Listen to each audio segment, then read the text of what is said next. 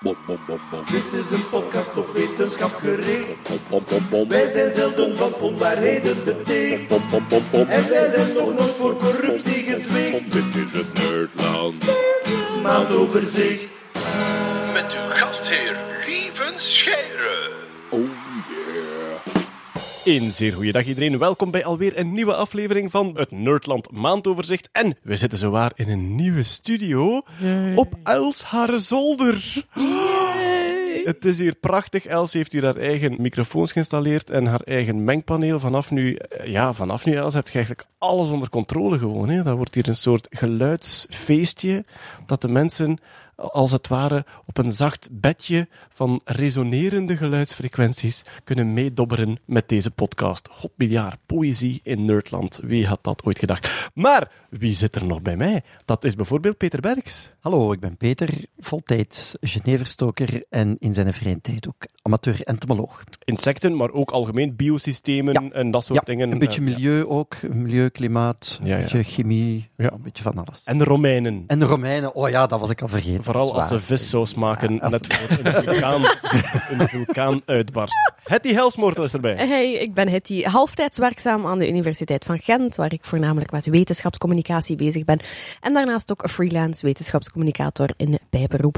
Ik organiseer het wetenschapsfestival Sound of Science. Ik heb net een boek geschreven dat in februari uitkomt. Ah, ik mag een eh, reeks voor VRT Nieuws maken ook. eh, Cool.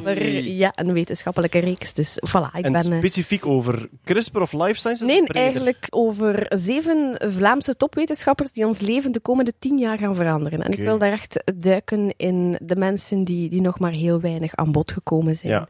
En tonen waar wij Vlamingen goed in zijn en mee bezig zijn. Want wij zijn wereldtop, maar we zeggen dat te weinig. Dat is waar, op veel gebieden eh, zitten, ja, zie, Ja. zie je Vlamingen terugkomen in de wereldtop. Hè. Zoals Jan Rabai bijvoorbeeld, Ja, met de voilà. ontwikkeling van de iPad. Misschien wel, misschien dat Jan zelf ook. Kan dat zijn dat je mij nog niet gebeld hebt? Ja. Als er over tien jaar over kak of dieren gesproken wordt, zal de naam Jeroen Baart incontournabele zijn. Kurt Beheid is hier ook. Ja, ja, eh, maker, prototyper, elektronica en dergelijke. En ook eh, tv-maker. Voilà, Yep. bij deze. Stefanie Deune. Hallo, ik ben Stefanie. Ik ben nog altijd illustrator. Ik maak kinderboeken, populaire wetenschapsboeken. Dat is al vrij veel. En ja, interesses gaan breed bij u. Er zit veel neurologie bij. En true crime is eh, een van uw focuspunten. Ah, dat is een beetje uit de hand aan het lopen, vrees ik. Ja, ik ben echt... Zo, je begint te moorden nu. Nee. De theorie in de praktijk aan het onderzoeken. Perfecte moord bestaat. Nee, dat niet. Maar je krijgt wel zo, als ik zo eens al een dag daar niet mee bezig ben geweest, of niks nieuws heb gelezen, of heb beluisterd of zo, heb ik zoiets van, oh, ik mist iets. Allee, Toch even, serieus? toch even, toch even mijn, eh, mijn fix nodig. De ja. dag is niet compleet zonder moord en doodslag. Maar laat ons wel duidelijk zijn, het gaat mij vooral over het onderzoek. Hè, de forensische wetenschap, die dat echt ongelooflijk interessant is en zeker niet stilstaat. Dus het zijn geen lugubere obsessies of zo. Uw fascinatie zit niet in de gepleegde misdaad, maar Nee. in gigantische puzzelwerk en speurderswerk om het opgelost te Het is inderdaad, zijn de beste puzzels die er zijn. Voilà, dus iedereen die true crime interesses heeft, en dat is dan boeken, podcasts, Netflix-series, die kan dat gewoon aan u vragen op Twitter. Ja, ik doe dat regelmatig. Mensen vragen mij dan, eh, Ja. wat, wat vind je tof? En dan vraag ik, ja, wat zoek je precies? En dan een Ja, wat dat betreft, beetje een dealer op, op, op Twitter. dealer. Pas op voor een afrekening in het milieu. Hè. Ah ja, wij kunnen dat onderzoeken. ja.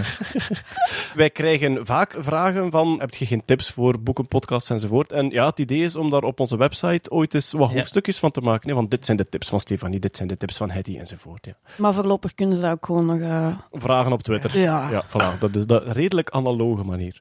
Jeroen Baart, je bent er ook bij. Ik ben Jeroen, ik ben computerwetenschapper, comedian, ik heb een hond en ik heb eh, vorige week opgezocht hoe dat ik mijn sifon moet vervangen, dus ik ben technisch gezien ook een loodgieter nu. Heb je hem ook vervangen? Nee. ik heb het opgezocht, planning is het halve werk. Ik heb, en eh, de andere helft van het werk ga ik een loodgieter verbellen. ik heb al eens een sifon vervangen. Zet daar vooral een emmer onder. ja. mhm, Ja. En dat stinkt dus, hè, want daar, ja, daar is Ja, van daar alles ben ik in blijven. Daar is van alles in En blijven daar komt van alles uit. Ja. Ja, voilà. En Poncho de hond is hier Poncho hond ook bij, maar die, zo mooi. Dat is de schattigste hond ter wereld. En Els zit aan de knoppen uiteraard, de landlord, de eigenaar van het vastgoed hier. Els heeft momenteel meer lampjes op haar console dan, hoe noemt dat Star Trek schip? Ik ben een Star Wars fan, hè? sorry. Wat, de, de, de Enterprise? De Enterprise? Ja. Ah, oké. Sorry, ja, meer lampjes dan de Enterprise. Wacht, ze, dit is wel even... Dus sta- meer Star Wars dan Star Trek? Ja, Star Trek is voor... Zwat, ik ga mee. Eh, Oeh. Eh, ja, maak die zin maar eens af. Star Trek is voor mensen die Star Wars nog niet gezien hebben. maar Star Wars zijn verhaaltjes. Ja, Star verhaal. Trek is echte tech en sci-fi. Ik ging nog zeggen dat we nu allemaal schatten op zolder zijn. ik ging hem bewaren voor later, maar het werd mij hier heet onder de Ja. voeten, dus ik ga het gewoon nu zeggen. Maar ik ga dat, ja, we gaan dat toch onthouden. Als Bart van Peer hier nog eens is, dan moeten we toch eens de, ja, de klassieke Star Trek versus Star Wars clash naspelen hier. Maar wij gaan over naar de wetenschap. Het wetenschapsnieuws dat ons bereikt heeft de voorbije maand en waar we een zeer eigenzinnige selectie in maken. Natuurlijk, ja, eentje waar ik grote ogen van getrokken heb. Er zijn suikers gevonden op meteorieten. Dus we hebben het hier over meteorieten die miljarden jaren geleden ingeslagen zijn op aarde. En die nu onderzocht zijn om te zien van wat zit er allemaal in van chemische substanties. En daar zaten dus verschillende suikers in. Suikers, het, ja, eh, eh, staan mij bij in de life sciences. Dus we hebben het hier over koolhydraten. De koolhydraten die wij kennen uit ons eigen biochemisch systeem zijn de zetmelen en allemaal suikertjes aan elkaar. Voor ons is dat voornamelijk een voedingsbron. Maar suikers hebben nog compleet andere functies in de biochemie, waaronder het skelet, de samenhang van RNA en DNA. Ja, absoluut. Ja. Dus eh, ribonucleic acid, ribonucleïnezuur, het RNA, heeft dus ribose, een van de suikers, als skelet. En specifiek die ribose is gevonden in die meteoriet. Och, echt? Ja. Wat welke deed hij- Wat meteoriet? deed hij daar? Dus ze hebben arabinose, silose en ribose gevonden. En vooral die ribose dachten ze echt van, ola, Ja? het zou kunnen dat die meteorieten echt de bouwstenen van het leven gezaaid hebben op aarde. Die meteorieten zijn dus meteorieten die bewaard gebleven zijn, die ingeslagen zijn. Hier op aarde. Hier, die ze hier, Uiteraard. ja, voilà. Ah, wel, ja, maar Ja?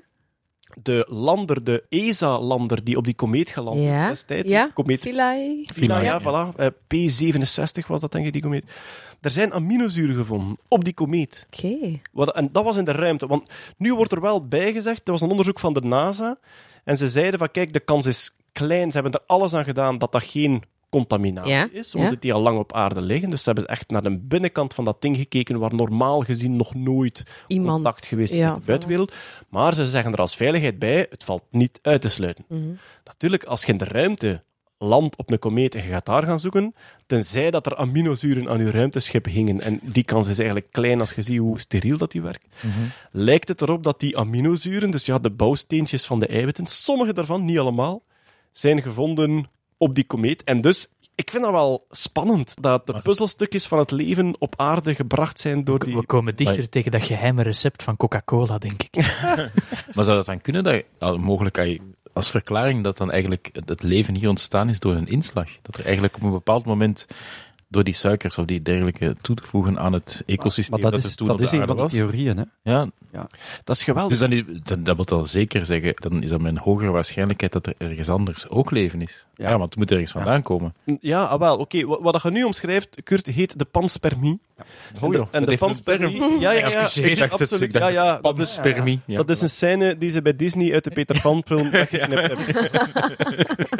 maar dus, panspermie wil eigenlijk zeggen, het zaad van het leven is overal. Dat is een moeilijke binnenkomen. ja, Ja, dus, oké, ja. En wat zij dus zeggen is, je hebt twee theorieën. Hè. De theorie waar het hier over gaat, bij suikers en aminozuren, is, je vindt dode chemie in de ruimte, die daar gewoon chemisch ontstaan is, maar die op aarde als puzzelstukjes samengevoegd is. En de panspermie zegt, ja, nee, er vliegt levende chemie rond, die door leven gemaakt is elders in de ruimte ja, en die bewust verspreid is. Er wordt soms gezegd, als de mens nog een paar tienduizend jaar meegaat, gaan wij dat misschien ook beginnen doen. Een soort capsuletjes met kiemen van chemisch leven rondsturen. Met het idee van, als we er miljarden en miljarden E- rondsturen, gaan gelijk sommige landen... Ja, effectief. een pissebloem, Ja, dat je gewoon je, je zaadjes door de wind... De kiem van het leven verspreiden in de ruimte. Maar dat geeft allemaal, vind ik, wel een beeld van hoe weinig dat we nog weten over dat magisch moment dat dode ruimtechemie overgegaan is in georganiseerde celbiologie. Dat is fenomenaal interessant, hè. Van ja, Als ik ooit nog een boek schrijf, wil ik mij daarin verdiepen. Ja, want dat voilà. is Oh, we zullen eerst zien hoe dat, dat is. maar ja, we kunnen... Nee, maar ik vind dat waanzinnig fascinerend. Ja. Hoe gaat je van dood naar leven? Ja. Dat is dan helemaal in tegenstelling tot de andere theorie, waarvan ze dan zeggen van heel de omstandigheden die op de aarde waren vroeger, hè, dus methaangas, eh, waterstofgas, wat is het allemaal? En dan de, De blikseminslag. blikseminslag, ja, dat is die proef van Miller in de Ja. tijd. Ja.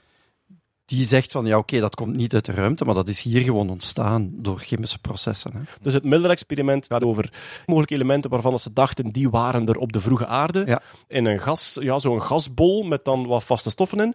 En dan daar bliksems doorjagen. Maar ze wisten, er waren ook onweders toen. En in die onweders ontstaan er ook nieuwe complexe Verbindingen, ja. En zij beweren dus na het Miller-experiment dat er op het einde, na een aantal dagen bliksem, dat er effectief complexe koolstofmoleculen gevormd waren. Waaronder aminozuren, geloof ik. Ook, ja, Ja, wel. inderdaad. ja, ja. Ja, Maar goed, dan zitten we nog altijd met puzzelstukjes Mhm. en nog absoluut niet met een zelfregulerend systeem. En dat vind ik daar zo wonderlijk aan aan die zoektocht. We kunnen steeds verder terugdenken. hè. Je kunt naar de eukaryotische cel, naar de prokaryotische cel enzovoort. Nu, leven voor een cel, ik denk dat we daar nog geen beeld van hebben. Hè? Hoe dat, dat zou kunnen zijn. Nee. De, zo, die cel is zo'n zelforganiserend unitje. Wat er daarvoor zou kunnen zijn. Hedy, je hebt ooit gezegd dat RNA ook actief kan zijn. Eigenlijk Ja, ja, maar RNA is nu nog altijd biologisch actief. Hè. Het is niet alleen een tussenstap tussen DNA en eiwitten. RNA op zichzelf heeft ook in ons lichaam nog een heel belangrijke functie. Dus DNA is zuiver code, Ja. RNA doet ook werk. Doet ook werk, Ja. ja. En zet ook informatie om in eiwitten. Hè. Maar dat RNA ja, is een code en zou zichzelf kunnen vermenigvuldigen. Hè, wat dan eigenlijk een beetje de DNA-functie zou kunnen uitoefenen. En RNA kan ook ja, chemische processen versnellen, wat eiwitten in principe doen. Dus vandaar dat men denkt in die RNA-wereld. Maar er is eh, een interessante podcast, ik ben vergeten wie hem gemaakt heeft, maar hij maakt daar een fantastische vergelijking, omdat je zegt, we gaan altijd verder terug. Hij zegt eigenlijk, wat wij nu kennen is leven op basis van cellen. Maar misschien is er ooit ander leven geweest. Het is net alsof wij de geschiedenis van de auto zouden bekijken als er alleen maar elektrische auto's meer zouden zijn. En hoe, hoe is dat ontstaan? Dan zouden wij denken, ah, elektrische circuits en dit en. Maar je hebt daar de benzinemotoren en de dieselmotoren, dat je eigenlijk totaal geen zicht meer op hebt, omdat je alleen maar dit meer kent. Dus ik vind dat waanzinnig boeiend. Ja. Ja. Ja, en wel goed, ja, wij, wij kennen nu inderdaad enkel de cel, dus het andere leven zou dan ook volledig verdwenen moeten zijn. Ja, Alhoewel dat je met iets gek zit met virussen. ja inderdaad. Virussen zijn veel kleiner dan een cel en zijn eigenlijk een soort kleine chemische dingetjes die veel minder complex zijn dan het celleven, maar die hebben dan weer cellen nodig, Nodig, ja. om zichzelf te laten kopiëren. Dus, van ja. kunnen er uren over doorgaan. En wel, daarom moet je dat boek dus schrijven. Allee, Je, je zegt toch, het is nu toch af, hè, dat CRISPR-boek van u. even rust. Ja, ja, ja, groot, groot gelijk. We gaan wel zien. Oké, we blijven op aarde, maar we gaan naar een andere tak van de wetenschap, namelijk de Nazca-lijnen. Wie kent de Nazca-lijnen? Els zegt ja, maar ze heeft geen micro. Ja, maar dan mocht jij in die van Hetty spreken. hè. Els, wat zijn de Nazca-lijnen? Els. Dat zijn van die hele zotte lijnen in de woestijn in Peru of zoiets. Ja. En die maken ehm, eh, bepaalde figuren. Een vogel herinner ik me. En die kan je alleen maar zien vanuit de lucht of van op een hele hoge berg. Ping, dat klopt inderdaad. hè. Alle goede antwoorden zijn gegeven. ja, sorry. U vergat de Atacama-woestijn. Zo, Filip Geubels, eh, heb jij wel eens een Nazca-lijnen gehad? Ja, mijn onderbroek. Oké. Ja, ik zit iets te veel in slimste mensmodus nog. Hè. Dat klopt, ja. Maar dus ja, inderdaad, die Nazca-lijnen zijn wonderlijk. Het zijn dus lijnen die getrokken zijn. Het is in een van de droogste gebieden op aarde. Het is daar gemiddeld 25 graden warm. Daar valt minder dan een millimeter regen per tien jaar. Dat is Yo. echt geweldig droog. En het wonderlijke is, de aardlaag bestaat daar uit een soort kalksteen. Maar daar is een donker gekleurde vulkanische laag opgekomen, maar die is eigenlijk niet dikker dan 2 of 3 centimeter. Waardoor dat, als je daar een lijn in trekt, verschijnt er opeens een hele witte lijn in een soort bruin-roze landschap. Die lijnen zijn dus tientallen meters lang, sommige zijn een meter breed ook. Dus dat zijn echt figuren van ja, soms 60 tot 100 meter lang. Als je daarnaast staat, zie je niets. Je ziet dat enkel maar van op grote hoogte. is UNESCO Werelderfgoed ook. Inderdaad. Over meer dan 300 figuren Ja. verspreid over Die, die kolibrie is de bekendste, Ja, denk ik. Er is een kolibrie. aapje Ja. bij. Er zijn ook mensen die denken dat er is ergens een grote figuur van een man met een penis, maar dat is in een grasperk in Groot-Brittannië. En dat is Ah, niet ja. door de... Maar ik heb, wel- ik heb wel mensen gehad die zeiden van eh, de Nazca-lijnen, waar is penisman? Die is daar niet. Nee, dat, is waar. Ja, dat is in Zuid-Engeland. Zuid-Engeland, ja. Ja, ja. inderdaad. Ergens Maar wacht, nu hebben ze er nieuwe ontdekt. En dat wil zeggen dat die Wel, geheim waren? Of dat, of, Wel, of nee. dat, dat nieuwe Dus- mensen... de lijnen die ze al kenden, dat zijn waarschijnlijk de meest recente of die die best bewaard Bewaard gebleven zijn. Wat dat ook al wonderlijk is, dat je zoiets 2000 jaar lang, gewoon een greppel in de grond, 2000 jaar lang bewaart. Het is daar ook bijna altijd windstil in dat gebied. Het is echt zo'n soort microklimaat. En wat hebben ze nu gedaan? Ze hebben alle drone- en satellietfoto's van dat gebied aan een AI-systeem gegeven. En ze hebben alle bekende Nazca-figuren aan dat AI-systeem gezegd van kijk, daar is er een, daar is er een, daar is er een. En die is waarschijnlijk op basis van kleurschakeringen in het landschap en ook op basis, denk ik dan, van de locatie van die tekeningen, is die gaan kijken, zijn er nog? En die heeft er nu nieuwe gevonden. Dus nee. een AI-systeem ziet daar patronen in die de mens over het hoofd gezien heeft. Ik moet wel zeggen, die, die- nieuwe zijn redelijk, eh, ze heeft redelijk vage gevonden. Zijn vage, en ja. net om die, die vage lijnen te zien, ja, als je weet naar wat dat je zoekt, weet je op welke afstand dat je moet kijken. Maar heel veel van die figuren worden pas duidelijk als je er verder vanaf gaat staan of hoger of lager gaat staan. En daar kan een AI natuurlijk wel op, op ja, sowieso een geautomatiseerd systeem, op vele verschillende zoomniveaus gaan kijken naar een figuur. Als je keihard inzoomt op een, een bek van een vogel, dan zie je die niet. Dan Klopt, zie je ja. een gekke lijn in de grond. Maar als je maar ver genoeg kijkt, Ja, dan maar ah, het, is wel, het is wel straf. Hij heeft er 140 nieuwe gevonden. Hè? Ja. Het Ze zijn niet wel- allemaal even spectaculair. Nee, maar het is ik denk, we kunnen het misschien een beetje vergelijken met zo de sterrenhemel. Als je daar zo, Ja. je ziet patronen daarin, als je genoeg sterren ziet, en ik denk, ik denk inderdaad dat een geautomatiseerd, getraind systeem dat misschien iets sneller detecteert, maar het is niet heel veel fantasie dat je nodig hebt om daar wel die tekeningen in te zien of zo, Ja. denk ik. En waarvoor dienden die dingen? Weten ze dat? Maar dat is het mooie, vind ik, aan dit verhaal, dat je met toptechnologie, namelijk die AI-systemen, ergens in een soort heel oud mystiek ritueel zit. Mhm. En ja, er is natuurlijk weinig overgebleven, zowel van mondelinge als van schriftelijke, van schriftelijke niets, denk ik, van die, wat is dat dan, pre-Inca-culturen of pre-Maya-culturen. Dus ze weten het totaal niet. En er is onderzoek gebeurd. Nu, wat hebben ze wel gevonden? Naast die lijnen vind je om de zoveel afstand putjes met dierenresten in of offers. Dus het had hoogstwaarschijnlijk een religieuze functie. Mhm. Een andere verklaring is dat het toch irrigatielijnen zouden zijn, wat Ja. mij heel gek lijkt, want Ah, een, ja. een, een woestijn irrigeren. En er is zelfs een of andere man die zegt dat het een soort van gigantische astrologische kalender is, en die zelfs beweerde van die mensen die dat gemaakt hadden, die hadden de technologie van hete luchtballonnen. En die heeft met een hele hoop materiaal dat ze dan alleen hadden, een, een functionerende hete luchtballon, ja, gigantische varkensblaas, weet ik veel, ik zou het eens moeten opzoeken. Maar nee, de Incas hadden fantastisch goede stoffen. Dus Ah, de, de Incas konden zodanig fijn weven. Dat, allee, dat was wonderlijk voor die tijd. Hè. Ze hadden een hele, hele goede textiel.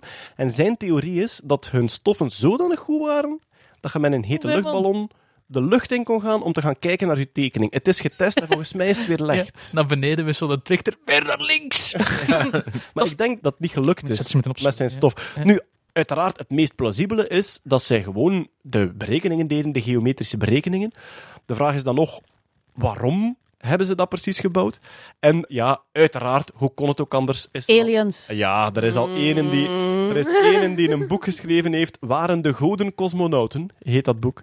Ah. En dat gaat dus over, dit was een signaal naar de goden van ze moeten naar beneden komen, naar hier, om dat dan hier te doen. Maar alles, alles zijn Ja, ja, aliens, alles. hè, als we niet direct... Op zich is het, allee, het is geweldig boeiend om daarop in te gaan, maar het is allemaal hinein interpretering. hè. De moment dat je beslist, het zijn allemaal aliens, dan zie je ze overal. Dat is waar. Maar om vanuit de zuivere feiten daarbij terecht te komen, moet je wel een paar...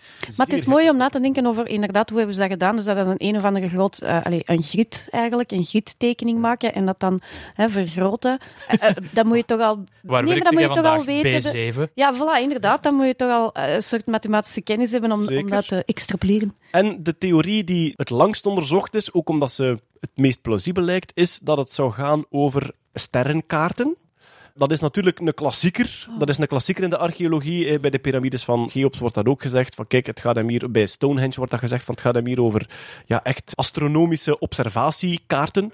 De theorie is er vooral omdat het in dat gebied van de wereld, in die woestijn, in dat microklimaat, heb je bijna altijd een heldere hemel. Dus te denken van die sterrenhemel, dit zal de ideale plek geweest zijn om naar de sterren te kijken. Maar waarom dan? Dat is zo van, dat moeten we opschrijven. Eh, Wel, ja, maar ehm, Stonehenge bijvoorbeeld wordt van gezegd, sterrenkunde was vroeger de gemakkelijkste manier om te bepalen wanneer dat je één seizoen in je ander ging veranderen.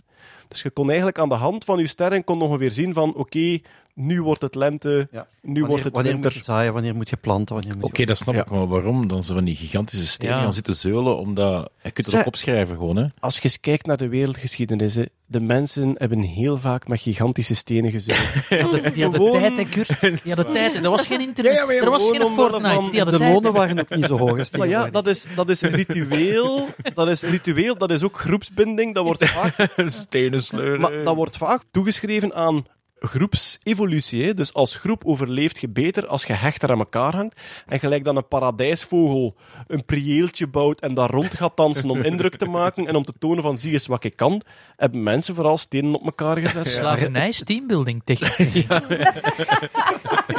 En blijft wel- omgekeerd, blijft wel omgekeerd ook trouwens. eh. Het blijft wel eigenaardig dat ze, in tegenstelling tot Stonehenge of de piramides die je dan kan zien, dat ze tekeningen maken die je vanaf de grond eigenlijk niet ja, ja. in, in hun volle glorie kan zien. Dat je. De ballonman was James Woodman en zijn, zijn gekke... Ja, het is precies een vliegende noedel waarin dat je zo'n soort van... waarin dat je koekje verwacht. Heeft kort gevlogen. Lees, het is Ah, technisch gezien van de grond geweest. Dus hij heeft kort gevlogen Ja. met inkastof. Met inkastof. Oké, Toch met ja, stoffen ja. die hij beweert, enkel en alleen. Maar dus het astronomische is een tijdje onderzocht, zelfs door de man die de astronomische patronen in Stonehenge ontdekt heeft. Dus die daar zag van, kijk, die steen wijst waarschijnlijk op dat punt. En ze hebben van alles geprobeerd om wiskundige analogieën te vinden tussen de tekeningen en de sterrenhemel, en het is niet gelukt. Dus misschien moeten ze er de AI op loslaten, maar waarschijnlijk was het niet naar de sterrenhemel. Waarom trouwens was die sterrenhemel vroeger zo belangrijk in, ja, gewoon natuurgodsdiensten zelfs? Dat was een van de eerste wetenschappen die iets kon voorspellen. Het moment dat iemand kon voorspellen, op dat moment komt er een maansverduistering, kreeg je een zodanige reputatie van, amai, Ah, ja. die kan dat nogal. Ah, ja. En heel de astrologie volgt daaruit. Van ja, kijk, dit is de enige manier waarop dat wij dingen kunnen voorspellen. En daarom is dat zo'n belangrijk, eh, belangrijk ding. Als je de enigste mens met een kalender bent, dan kun je wel... Allee, ja. Ja, ja, ja, inderdaad. En Ja. morgen is het zondag. Hoe weet, Hoe weet je dat? dat? Thomas, zeg. Eddie heeft het gezegd. Is Eddie die een rare die naar de lucht kijkt? Ja. Zwart, lijnen trekken. Hè.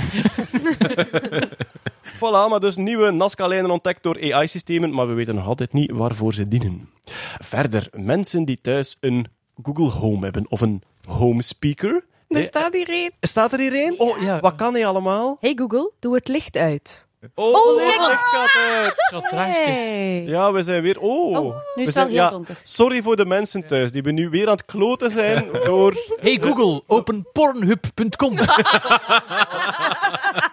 en doe het licht nog wat meer uit. Zet het licht op rood. Zeg maar, is dat in het Nederlands? Ja. Wauw. Google, doe het licht aan.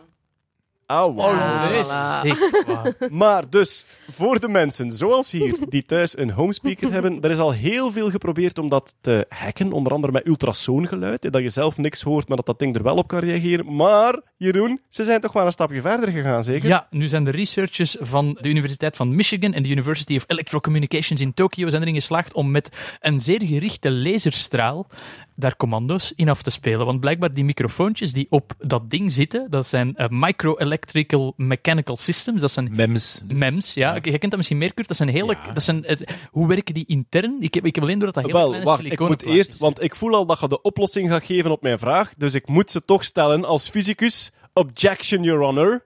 Licht is een... eh, Lichtgolf is geen geluidsgolf, dus hoe doen ze het? Ehm, het zijn fysieke elementjes dat erin zitten, effectief. Dus het zijn chips die erin zitten. Nee, nee. En zelfs die- daar voorbij nog. Het zijn echt bewegende, gelijk bijvoorbeeld een accelerometer, daar zitten ook fysiek, dat is ook een MEMS. systeem. Ah, natuurlijk, ja, ja, nu, ja, dus ja. je zit er fysiek, op een heel microscopisch kleine schaal zitten er fysiek dingen in, Ja. die dat trillingen omzetten in elektrische pulsjes. En Natuurlijk. die elektrische pulsjes worden dan uitgelezen. Dus, een laserstraal kan onmogelijk geluid nadoen. Hè? Want geluid is een drukgolf en met licht kun je wel een beetje druk zetten, maar dat is zo minuscuul klein dat je Ja. daar geen microfoon mee kunt trischen. Maar de microfoon zet geluid wel om in elektromagnetische trillingen. Bij elke het- microfoon doet dat in principe, maar een standaard microfoon waar we nu in praten, dat is een membraan die eigenlijk de lucht die dat beweegt omzet in een soort magnetisch veld, iets laat bewegen. Eigenlijk om Met een, een- een luidspreker. Het is een koolstofkussentje. En Ja. als je een koolstofkussentje, als je daarop duwt, dan wordt de weerstand lager. En dus Ja. luchtdruk is eigenlijk constant duwen op het koolstofkussentje, waardoor je Ja. een variërende elektrische stroom krijgt. Of, ge- of langs de andere kant, want bijvoorbeeld, je moet dat maar een keer thuis proberen. Je kunt in je oortjes dat je hebt, je, je koptelefoonoortjes, die kun je ook als micro gebruiken. Klopt, ja. Een luidspreker is het omgekeerde van een microfoon. Dus je neemt een koptelefoon, je stopt hem in de micro-ingang van Ja. je computer, je praat in de koptelefoon en de geluidsgolf verschijnt op Ja. het scherm. Och, de, link, eh. de linkse Ja, ja. kant. Als je- Eerst als je- uw versterker op maximum. ja, zetten. niet de oortjes van je telefoon. Je moet maar een keer goed kijken naar de mini-jack. Het pinnetje dat je in je telefoon steekt. Als daar vier ringetjes op staan, dan lukt het niet. Want dat is eigenlijk één met een microfoon en de koptelefoon. Ah, ja, maar als je drie ringetjes hebt, steek die gewoon in de microfooningang, babbelt in je linker luidspreker en Ja. je kunt praten alsof je in een micro praat. Maar wat doet die laser Ja. nu? Dus er zit, na dat membraan zit er nog een chip. En met een laser, dus wat je met een laser doet is, je gaat niet de trilling van het membraan beïnvloeden, Nee. maar het signaal dat daarna... Maar ik weet niet juist wat die laser doet, dat weet Jeroen, denk ik, beter dan ik. Maar het feit is dat een MEMS, microfoon of andere dingen, die zetten een, een beweging van fysieke elementen, zetten die om in elektronische pulsjes en die worden dan geïnterpreteerd als zijnde van dit is dat geluidssignaal dat binnenkomt of deze impedantie wordt omgezet in die klank of in die waveform die erna uitkomt. Oké, ik kan volgen tot daar, maar hoe kun je een geluidscommando in licht omzetten? Ze, veranderen ja. de amplitude van de lasergolf die wordt uitgestuurd. En blijkbaar bepaalde amplitudes komen overeen met exact dezelfde. eh allee, uiteindelijk, of dat het geluid nu wordt omgezet in een elektrisch signaal, of op een of andere manier het elektrisch signaal beïnvloedt, het eindresultaat voor dat machine is hetzelfde. Hè? Dat begrijp ik, maar dan moet je nog altijd weten hoe dat je bijvoorbeeld een commando dan kan vertalen in een lichtsignaal. Dus, wat doe je? Je spreekt een commando tegen zo'n microfoon Oké. en je meet wat er uit in een chip komt aan elektromagnetisch signaal. En dan ga je met een laser op die chip schijnen en je probeert datzelfde signaal dat uit dat commando komt na te doen met die laser. Er staat iemand geen 300 meter verder met een microfoon en een laser. Hè? Ehm, nee. Er staat iemand 300 meter verder met een Enkel computer. Maar en, het is vooral interessant om te kijken van, nadat die microfoon iets gedetecteerd heeft, of dat het een MEMS-microfoon is of whatever, die zet dat op een manier om in eentjes en nulletjes. En die eentjes en nulletjes worden geïnterpreteerd om op die manier zo het hey Google, hè, wat Ja. dan een, een sorry, Ja, nu doen we het weer. thuis, Sorry ja. daarvoor. Sluit Pornhub. om dat om te zetten en van kijken van welke bits, eentjes en nulletjes, komen daarna daaruit. Het gehoord hij heeft geantwoord. Nee, sorry. Wat, wat zei je? Not again, Pornhub? Deze zei, ik herken dit commando niet. Oeh, Safe search on. Wij kijken daar niet naartoe. Hè. niet naar die site. Oké, naar welke site wel lees je op de show notes? De show notes. Eh. Oké, Google, Maandoverzicht- show browser history. Maandoverzicht.nerdland.be. ja, maandoverzicht.nerd.be. Maar terug, over de mems. Ja, voilà. Hoe dat, eh, dit- dat weet ik ook niet exact hoe dat inderdaad die laserstraal die MEMS kan triggeren. Maar wat ik wel weet is dat er na, na die MEMS zijn dat eentjes en nulletjes die dat dan door de software geïnterpreteerd worden als nu is het, ik ga het niet nog een keer herhalen, maar dat commando gezegd geweest. En dat kunnen we waarschijnlijk dan trischen. En dan daarna hebben ze inderdaad een aantal commando's Hebben we al gezegd wat dat er gebeurd is eigenlijk. Ze hebben met die Ja. laserstralen Maar- hebben ze zo een, een digitale assistent kunnen bijvoorbeeld een garagepoort laten open doen of eh, een webbrowser. Ja, Want dat is, dat is het wonderlijke. En ik denk, het gaat waarschijnlijk geen vijf jaar meer duren eer dat we onszelf zot verklaren met wat we nu doen. Die dingen zijn zo hackbaar. Ik bedoel, dat hangt Absoluut. daar. Bij mij thuis, ik doe er enkel mijn licht mee, er zit niks anders op. Maar voor hetzelfde geld waarschijnlijk kan die ook gewoon bestanden versturen En ze smijten ze weg. En nu met, het is net Black Friday geweest, zoals iedereen die een beetje tech volgt wel zal haten. Ja, iedereen die naar de radio luistert, Google, zijn Google oren is... Nest dingen, dat geven ze weg voor volgegooid. 19, 20 euro nu. Dat. Hè. En de techniek is, wat hebben ze ervoor gebruikt? Een laserpointer van 20 dollar, een laserdriver, dus iets om de, de laser te moduleren van 339 dollar, en dan een telefotolens van 200 dollar. Dus voor een kleine 500 dollar kun jij van op een grote afstand... Het moet natuurlijk wel zicht zijn. Hè. Ja, je hebt Dat line of sight Je hebt line of sight nodig. Het is niet dat ze die kunnen... En wat is de grote afstand? Wat- De grote afstand, me- meer dan 300 meter. De demonstratie was in het filmpje van een, een flatgebouw aan de andere kant van de straat, door een raam dat dan Ah. een paar Ja, ja. verdiepingen Maar dus wat wij hoogstwaarschijnlijk gaan moeten invoeren bij dat soort voice commands, is een soort identificatiemechanisme. Ja. Dus dat die ofwel uw stem herkent. Nog steeds hackbaar, nu maar, wel in zit, hè? maar veel moeilijker. Ja, hoe, gelijk wie dat binnenkomt in mijn bureau, die kan met een voice Ja, command maar het licht aansteken. Google Home kun je wel instellen dat hij alleen maar een bepaalde stem... Is het echt? Ja. Oké, dat ga ik dan thuis eh, dringend een keer moeten instellen. en een, een laserdetector, dat ga ik er ook op zetten. Ik wist niet dat dat, maar ja, goed, line of sight. De beste manier om die dingen aan te pakken nu is die in te wikkelen met zilverpapieren in de vuilbak. Te verbranden en ingepetoneerd te begraven. Ja, oké. Hey Google, fuck off. Ah shit, sorry. Ja. En dan nog s'nachts komt Jeff Bezos hem opgraven waarschijnlijk. Uw Amazon speaker. I need your data. Goed, we gaan eventjes verder. Ja, de term Black Friday is al gevallen. Wat kwam er gisteren in mijn bus, eh, in het gigantische aanbod van allerlei Black Friday eh, aanbiedingen? Een complete genoomanalyse voor 170 euro. Ja. Fucking hell. Dus uw volledig DNA, hè, want genoom, dan spreken we over alle 3 miljard letters. Ja. Volledig uitgelezen voor 170 Ja. euro, terwijl dat wij ervan overtuigd waren dat dat toch nog een jaar of vijf ging duren. Ja, Dat is die ja. kit dat ze voor al-Baghdadi gebruikt hebben. Daar hangt ze op. Slechts één keer gebruikt. nee, nee. En- ja, nee, normaal eh, 850 euro. Hè. En Ja. nu van Dante Labs naar 170 euro. Niet alleen voor Black Friday, het is al een week of twee aan de gang. Allee. Eh, ik heb het wa- waar rondgevraagd. Ehm, ze ze hebben een nieuwe faciliteit geopend in Italië, dus een nieuwe sequencing faciliteit. En een aantal mensen vermoeden dat ze nu gewoon high throughput, dat ze heel veel stalen tegelijk willen verwerken om Ja. te kijken wat is onze capaciteit, hoe doen onze toestellen dat, en dat ze gewoon heel veel opdrachten nodig hebben en dat ze ermee naar uw kop smijten. En wel, dat was eigenlijk mijn belangrijkste vraag Mhm. hier. Is die 170 euro een reële kost van de nieuwe technologie? Of zit daar een dikke korting op, omdat ze een voordeel hebben op een andere manier? Ah, wel, eh, ik, ik vermoed van wel. Hè. Maar ze zeggen, wij hebben Amazon-gewijs een aantal stappen in dat proces zodanig geoptimaliseerd dat dat nu in bulk echt voor een stuk goedkoper uitkomt. Dus ik vermoed dat hij binnenkort wel gaat zakken in standaardprijs. Maar dit is volgens mij echt een test om te kijken hoeveel stalen tegelijk kan onze faciliteit nu sequencen. Die faciliteit in Italië, ik zie daar gewoon zo'n klein man met een snorretje zitten. Alfonso, ik heb een C. Ik heb een T. Ik heb een A. en dan nog een C. En ook wel belangrijk bij dat soort dingen, hè, je moet kijken naar de coverage van uw analyse. Hè. Dus uw, ja, uw uitlezen van uw letters, dat gebeurt met een zeer grote precisie, maar af en toe maakt zo'n systeem natuurlijk fouten. Ja. Alfonso, dat was geen C. Nee, dat was voilà. Ja, maar zelfs met 99,99% precisie, op onze, want het zijn er 6 miljard eigenlijk dat we uitlezen, omdat we elk dubbel hebt, chromosoom ja. dubbel hebben, dan nog maak je met die 0,01% maak je ongeveer 600.000 fouten. Hè, 600.000 letters die fouten. En daarom lezen ze eigenlijk dat genoom een aantal keer af.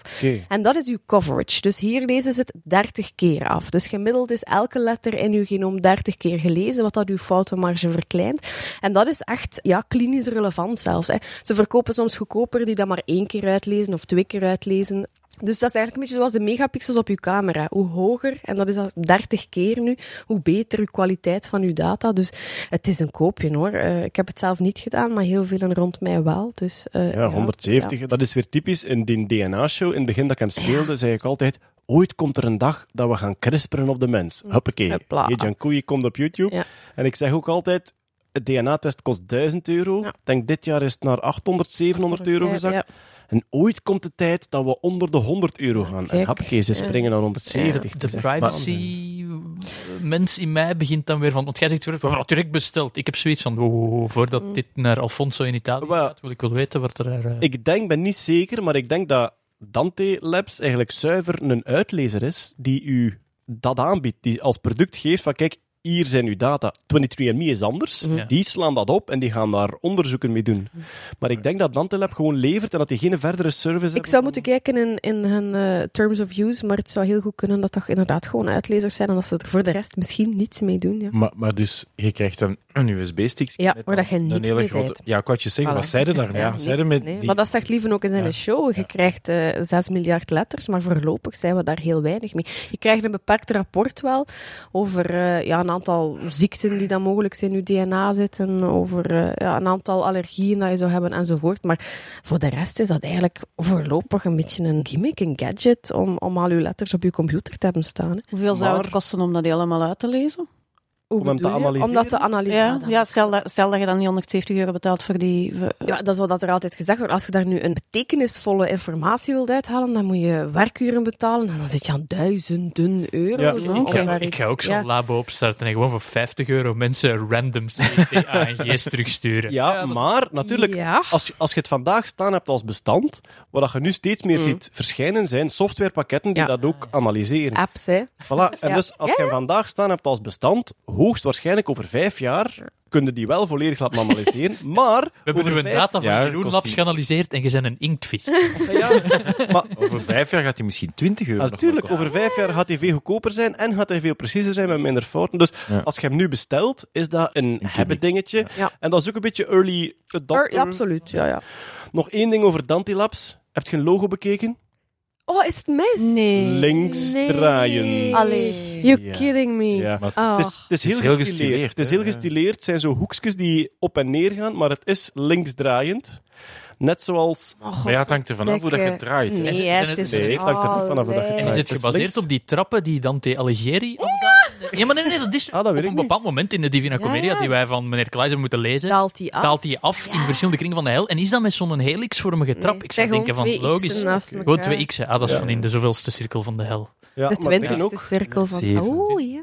My Heritage ook. Hè. Dus My Heritage is zo, ja, zo een, een doosje van 100 Ja? euro. Zijn En ze ook ook linksdraaiend. Ah, Allee, allee, allee. Eh, goed, Hey Jankoui, ik heb hem al even genoemd. Het is een jaar geleden. Ja, ja, op 26 november was het een jaar geleden dat hij zijn filmpje op YouTube gegooid heeft. Ja. En sindsdien weten we eigenlijk bijna niets meer van de man. Dus Sinds januari is die van de radar verdwenen. Er is er een jarig. ja, en wel, ja, de meisjes zijn jarig. Hè. Ah, en ja, ook ja, daar hebben we Je absoluut, kan het wel zien, Werner Brown. absoluut geen zicht op hè, waar dat hij nu zit en hoe dat wat dan gaat. Leeft hij nog? Ja, goede vraag. Ja, hij leeft wellicht Zo goed nog. als En de meisjes ja. wellicht ook. Maar eh, Ja. En waarschijnlijk is de nieuwe ook al geboren. Waarschijnlijk, dat was voor afgelopen zomer gepland. Dus, dat, Ja, ja, dus- ja, de derde moest er ook al geweest zijn. Ja, het is één groot stilzwijgen in China. Maar dus in Rusland zijn ze nog altijd aan het discussiëren van wij willen dat misschien ook wel eens Ja, proberen. ja, op dove koppels. Ja. Dus- Maar we, goed, alleszins een jaar lang Mhm. Is er, ja, en ik moet heel veel ifs gebruiken nu, maar het voorbije jaar is er niets legaal publiek gebeurd in dezelfde stijl CRISPRen op dat IVF-embryo's. klopt. Maar net zoals dat we hier al een paar keer gezegd hebben, wie gaat daar nu nog mee op YouTube verschijnen? Tuurlijk, als je het nu doet, Dus, dan houd het eh, voor jezelf. ja. ja absoluut. Ja. Oké, maar ja, goed, dat gaat over knippen en plakken op het, echt het eerste fase van een IVF-embryo, waardoor, als het goed gaat tenminste, alle cellen van Mhm. het lichaam aangepast zijn en dus ook de nakomelingen van de persoon die je aangepast hebt. De andere techniek waar wel mee geëxperimenteerd wordt, is het CRISPRen op bepaalde cellen. Dus witte bloedcellen uit het lichaam halen, met CRISPR bewerken en terugsturen. Mhm. En daar zijn nu de eerste trial-resultaten van Ja, binnen. ja, niet van de witte bloedcellen, maar eigenlijk de stamcellen in het bloed. Hè, voor twee bloedziekten, twee aangeboren bloedziekten. Enerzijds sikkelcelanemie, anderzijds beta-thalassemie. Die er eigenlijk ja, door één foute letter in het DNA voor zorgen dat het hemoglobine in de rode bloedcellen niet meer goed werkt. Hemoglobine transporteert zuurstof, waardoor die mensen vaak orgaanvallen hebben, in ademnood komen enzovoort. En dan heeft men nu inderdaad met CRISPR geprobeerd om die genetische fout te corrigeren. Niet om die letter te corrigeren, ik ga niet in detail gaan, maar via ja, een ander systeem heeft men geprobeerd om hemoglobine, fetaal hemoglobine, dat we eigenlijk vooral voor de geboorte aanmaken, om dat opnieuw te activeren. En ja, eerste CRISPR-trials. Victoria Gray is daar, eh, die vrouw is in het nieuws geweest. Hè. En dat is vrij uitzonderlijk dat we eigenlijk met naam en toenaam weten wie zo'n eerste persoon in zo'n trial geweest Zij is de patiënte dan. ja, zij is de patiënt, een, een, Afro-Amerikaanse patiënt met sikkelcelanemie. Is deze zomer met CRISPR behandeld en nu zijn daar de eerste resultaten van. En die zijn gigantisch spectaculair. Echt, ja? die mensen, alleen voor beta-thalassemie dan. Dus we hebben resultaten van twee patiënten nu. De ene, een 20-jarige, ja, had maandelijks 1 à 2 bloedtransfusies nodig. Is nu al negen maanden vrij van transfusie daardoor. En Victoria Gray dan, die had eh, heel regelmatig ja, lichaamscrisissen, waarin dat ze bijna geen lepel meer naar haar mond kon brengen, om- omdat haar lichaam zo faalde. Ook dat is sindsdien volledig voorbij. Het is echt afwachten of dat, dat zal blijven duren, hè, of Ja. dat die eenmalige therapie, of dat die zal levenslang doorwerken. Maar voorlopig zijn die resultaten wel gigantisch spectaculair. En hoe werkt het dan? dat er- Hoe werkt het precies? Als Oh, ik wel, ja, want dus mag in detail gaan. Wel, stamcellen, je hebt, je hebt Ja. uw beenmerg zijn uw stamcellen voor uw rode bloedcellen, maar Ik weet niet wat ze Nee, voor allemaal. Ah ja, voor, voor allemaal. Dus allee, ik ga dan toch uitleggen. Hè. Normaal hemoglobine, ons volwassen hemoglobine, dat bestaat uit twee ketens. Een alpha-keten en een beta-keten. Die beta-keten die is kapot. In Bij die bij mensen, die ja, mensen, oké. ja. Wat kan je dan doen? We hebben ook een vorm van hemoglobine, dat is feutaal hemoglobine, dat normaal alleen voor de geboorte actief is. Dat bestaat uit twee alpha-ketens en twee gamma-ketens. Mhm. Dat feutaal hemoglobine dat wordt op een bepaald moment wordt dat lam gelegd. Die aanmaak wordt uiteraard stopgezet, omdat volwassen hemoglobine zou overnemen. En het is eigenlijk een gen, BCL11A, dat ervoor zorgt dat dat feutaal hemoglobine dat, dat, dat, dat stopgezet wordt. Als men nu het BCL11A-gen kapot maakt, heeft dat geen remmende werking meer op het feutaal hemoglobine. Wordt dat opnieuw aangemaakt in het lichaam, kan dat de functie overnemen van dat kapot volwassen hemoglobine en kunnen die mensen dus terug op een goede manier zuurstof transporteren. Maar En dat zo doen, ze in, dat doen ze in beenmerk dan? Ja, dat Dus- doen ze dan in been. Dus ze halen stamcellen uit het beenmerg in het labo, dus buiten het lichaam. Maken ze dat BCL11A kapot, zodanig dat dat fetaal hemoglobine terug wakker wordt. En die spuiten ze dan terug in, nadat ze bij die mensen eigenlijk met een zeer zware chemotherapie al de rest van hun beenmerg kapot gemaakt hebben. Ja, Maar dat lichaam Ja. denkt dan van, ik ben nog een foetus. Of op een of andere manier Ja, denkt dat voor dat, dat heel specifiek voilà. denkt. Eh, Ja. Is er dan niet Ja. gevaar dat er andere dingen in dat lichaam ook gaan denken van, oh, labba, we zijn hier nog een foetus. Wel, dat hangt ervan af dat Ah. BCL11A, of dat dat nog een andere rol speelt in ons lichaam, wellicht niet. Eh, Dat zullen we zien. Ja, dat gaan we inderdaad, voilà, absoluut op lange ja. termijn. Ik ben genezen en ik heb zin in fruitpap. Meestal, meestal is er nog een reden waarom dat, dat uitgeschakeld Voilà, wordt. voilà, ja. Ergens een biologisch evolutie. Ja, omdat het iets slechter werkt. Maar goed, als je totaal Ja, geen voilà. hemoglobine hebt of ja. je hebt iets dat zo suboptimaal werkt, dan heb je nog liever dat. Ik vind het moleculair biologisch vind ik het echt geniaal. Ja. Maar om dat te kunnen doen, moet je ook weten hoe dat dan allemaal in elkaar zit natuurlijk. En dat is studies die we de voorbije jaren gedaan hebben. Ik vind, ja, ik vind het fantastisch. Maar het is ook weer een illustratie van hetgeen waar je het vorige keer over had. Een gen uitschakelen Ja. is veel gemakkelijker dan een nieuw gen activeren. Ja, dus, en ook dus die ene letter corrigeren, dat is veel, veel moeilijker dan tuurlijk. via een omweg eigenlijk de ander gaan gewoon kapot maken. En ja, ja, ja. en, ja het is absoluut waar. Ja. Oké. Ja, eigenlijk was dat CRISPR-nieuws. hè. We hebben Ja. de jingle nog Oh, niet dit- gespeeld. ja. Dat steken we Dat dan steken we hem nu. Wel, er is nieuws, het is CRISPR nieuws en CRISPR is gewoonweg de revolutionaire techniek om snel en goedkoop veranderingen aan te brengen. DNA van evenwel organisme. Ja, dit was nieuws. Het was CRISPR-nieuws. Hey Google, speel de Crispel jingle. via welke app? Ja, ja. Speel de Crispel jingle via Spotify. Zilverpapier, de vuilbak in Els. Ik zeg het hier nog één keer. Hey Google, bestel 500 boeken van Lieve Scheire op 100... Oké, sorry daarvoor. Sorry daarvoor. Allemaal, als u Google Home Speaker ook gereageerd heeft, laat het ons vooral weten. Op podcast.nerdland.be. Deze maand met geen foto's van dieren of kak meer. Dat is Ja. de laatste keer dat ik dat beloofd heb. Bedankt voor al jullie mails, maar ik heb de voorbije maand niks anders gedaan dan foto's van die... Ik De heb kak is op. Oh, het is op nu. Het is leeg. Je hebt het met veel plezier gedaan, Met veel plezier maar gedaan, hier maar eindigt het. alle Ja, mooie liedjes kennen een einde. Er komt nog een antwoord, maar het zal zonder een foto van dieren of van kak zijn. Dus dat ik echt het niet kan. Allee, ja, ik wil niet... Ja, misschien af en toe zal er nog iemand, hè, zoals dat je bij Duvel, 1 op de 1000 etiketjes hebben, zo Ja. een engeltje en een duiveltje erop als verrassing. Dus 1 op de 1000 Dat is mails. mijn Willy Wonka's gouden ticket. Ja, 1 op de 1000 mails krijgt toch nog een beetje eh, kak of gelijk wat. Ja. Oké, de meeste van onze luisteraars hebben waarschijnlijk al de Big Dog gezien van Boston Dynamics. Zo eh, de robothond met vier poten die heel organisch beweegt, bijna. Dat soort viervoeter in die stijl is blijkbaar heel populair geworden bij robotica-studenten. En wat ging er nu rond op het wereldwijde interwebs de voorbije maand?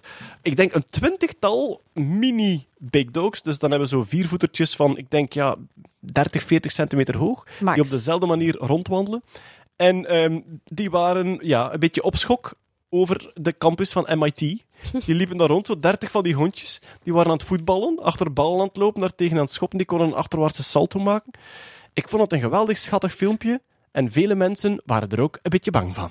Echt? Iemand, Toch? iemand stuurde, allee, daar lopen mensen op de achtergrond voorbij en die kijken niet eens om. Ik denk als je daar op die campus regelmatig rondloopt, Ja, dan je zie je er de andere niet meer van opkijken. Nee. want- Op MIT. Ah, dat zijn de robots weer. Hmm. Maar, maar ik snap het, het, het doembeeld wel. Ja, ja. Black Mirror heeft daar een interessante Ja. een aflevering over. Uh, weet je, Black Dog? Nee. Metal, nog iets. Metal Metalhead. Metalhead, ja. Zijn dat dan ook van die kleine schattige dingetjes? Of Eh, ja, met een pistooltje. Ja. Ah, oké, dat is iets minder Ah, ja, schattig. Ja, ik vind dat een van de meest angstaanjagende afleveringen van Vooral ook omdat hij in zwart-wit gefilmd Ja, is. is zwart wit, Dat is echt een horrorfilm, ja. En er zit eigenlijk geen verhaallijn Nee. in. Het gaat dan gewoon over iemand die achtervolgd wordt door die robots. En je moet zelf zo'n beetje afleiden in wat soort ja, Ja, post- post-apocalyptische maatschappij dat die terechtgekomen is. Ik vind dat een hele, een hele sterke Ik aflevering. vond het wel opvallend, inderdaad, hoe anders dat die overkwamen. Die dan zo die 10, 20 kleine mini-potjes, dat die toch voor mij veel schattiger overkwamen, terwijl ik echt een heilige schrik heb van die big dogs. Ah, is het echt? Ja? Ja, Komen die griezelig over? veel griezeliger. Ja. En nu had ik zoiets van, oh,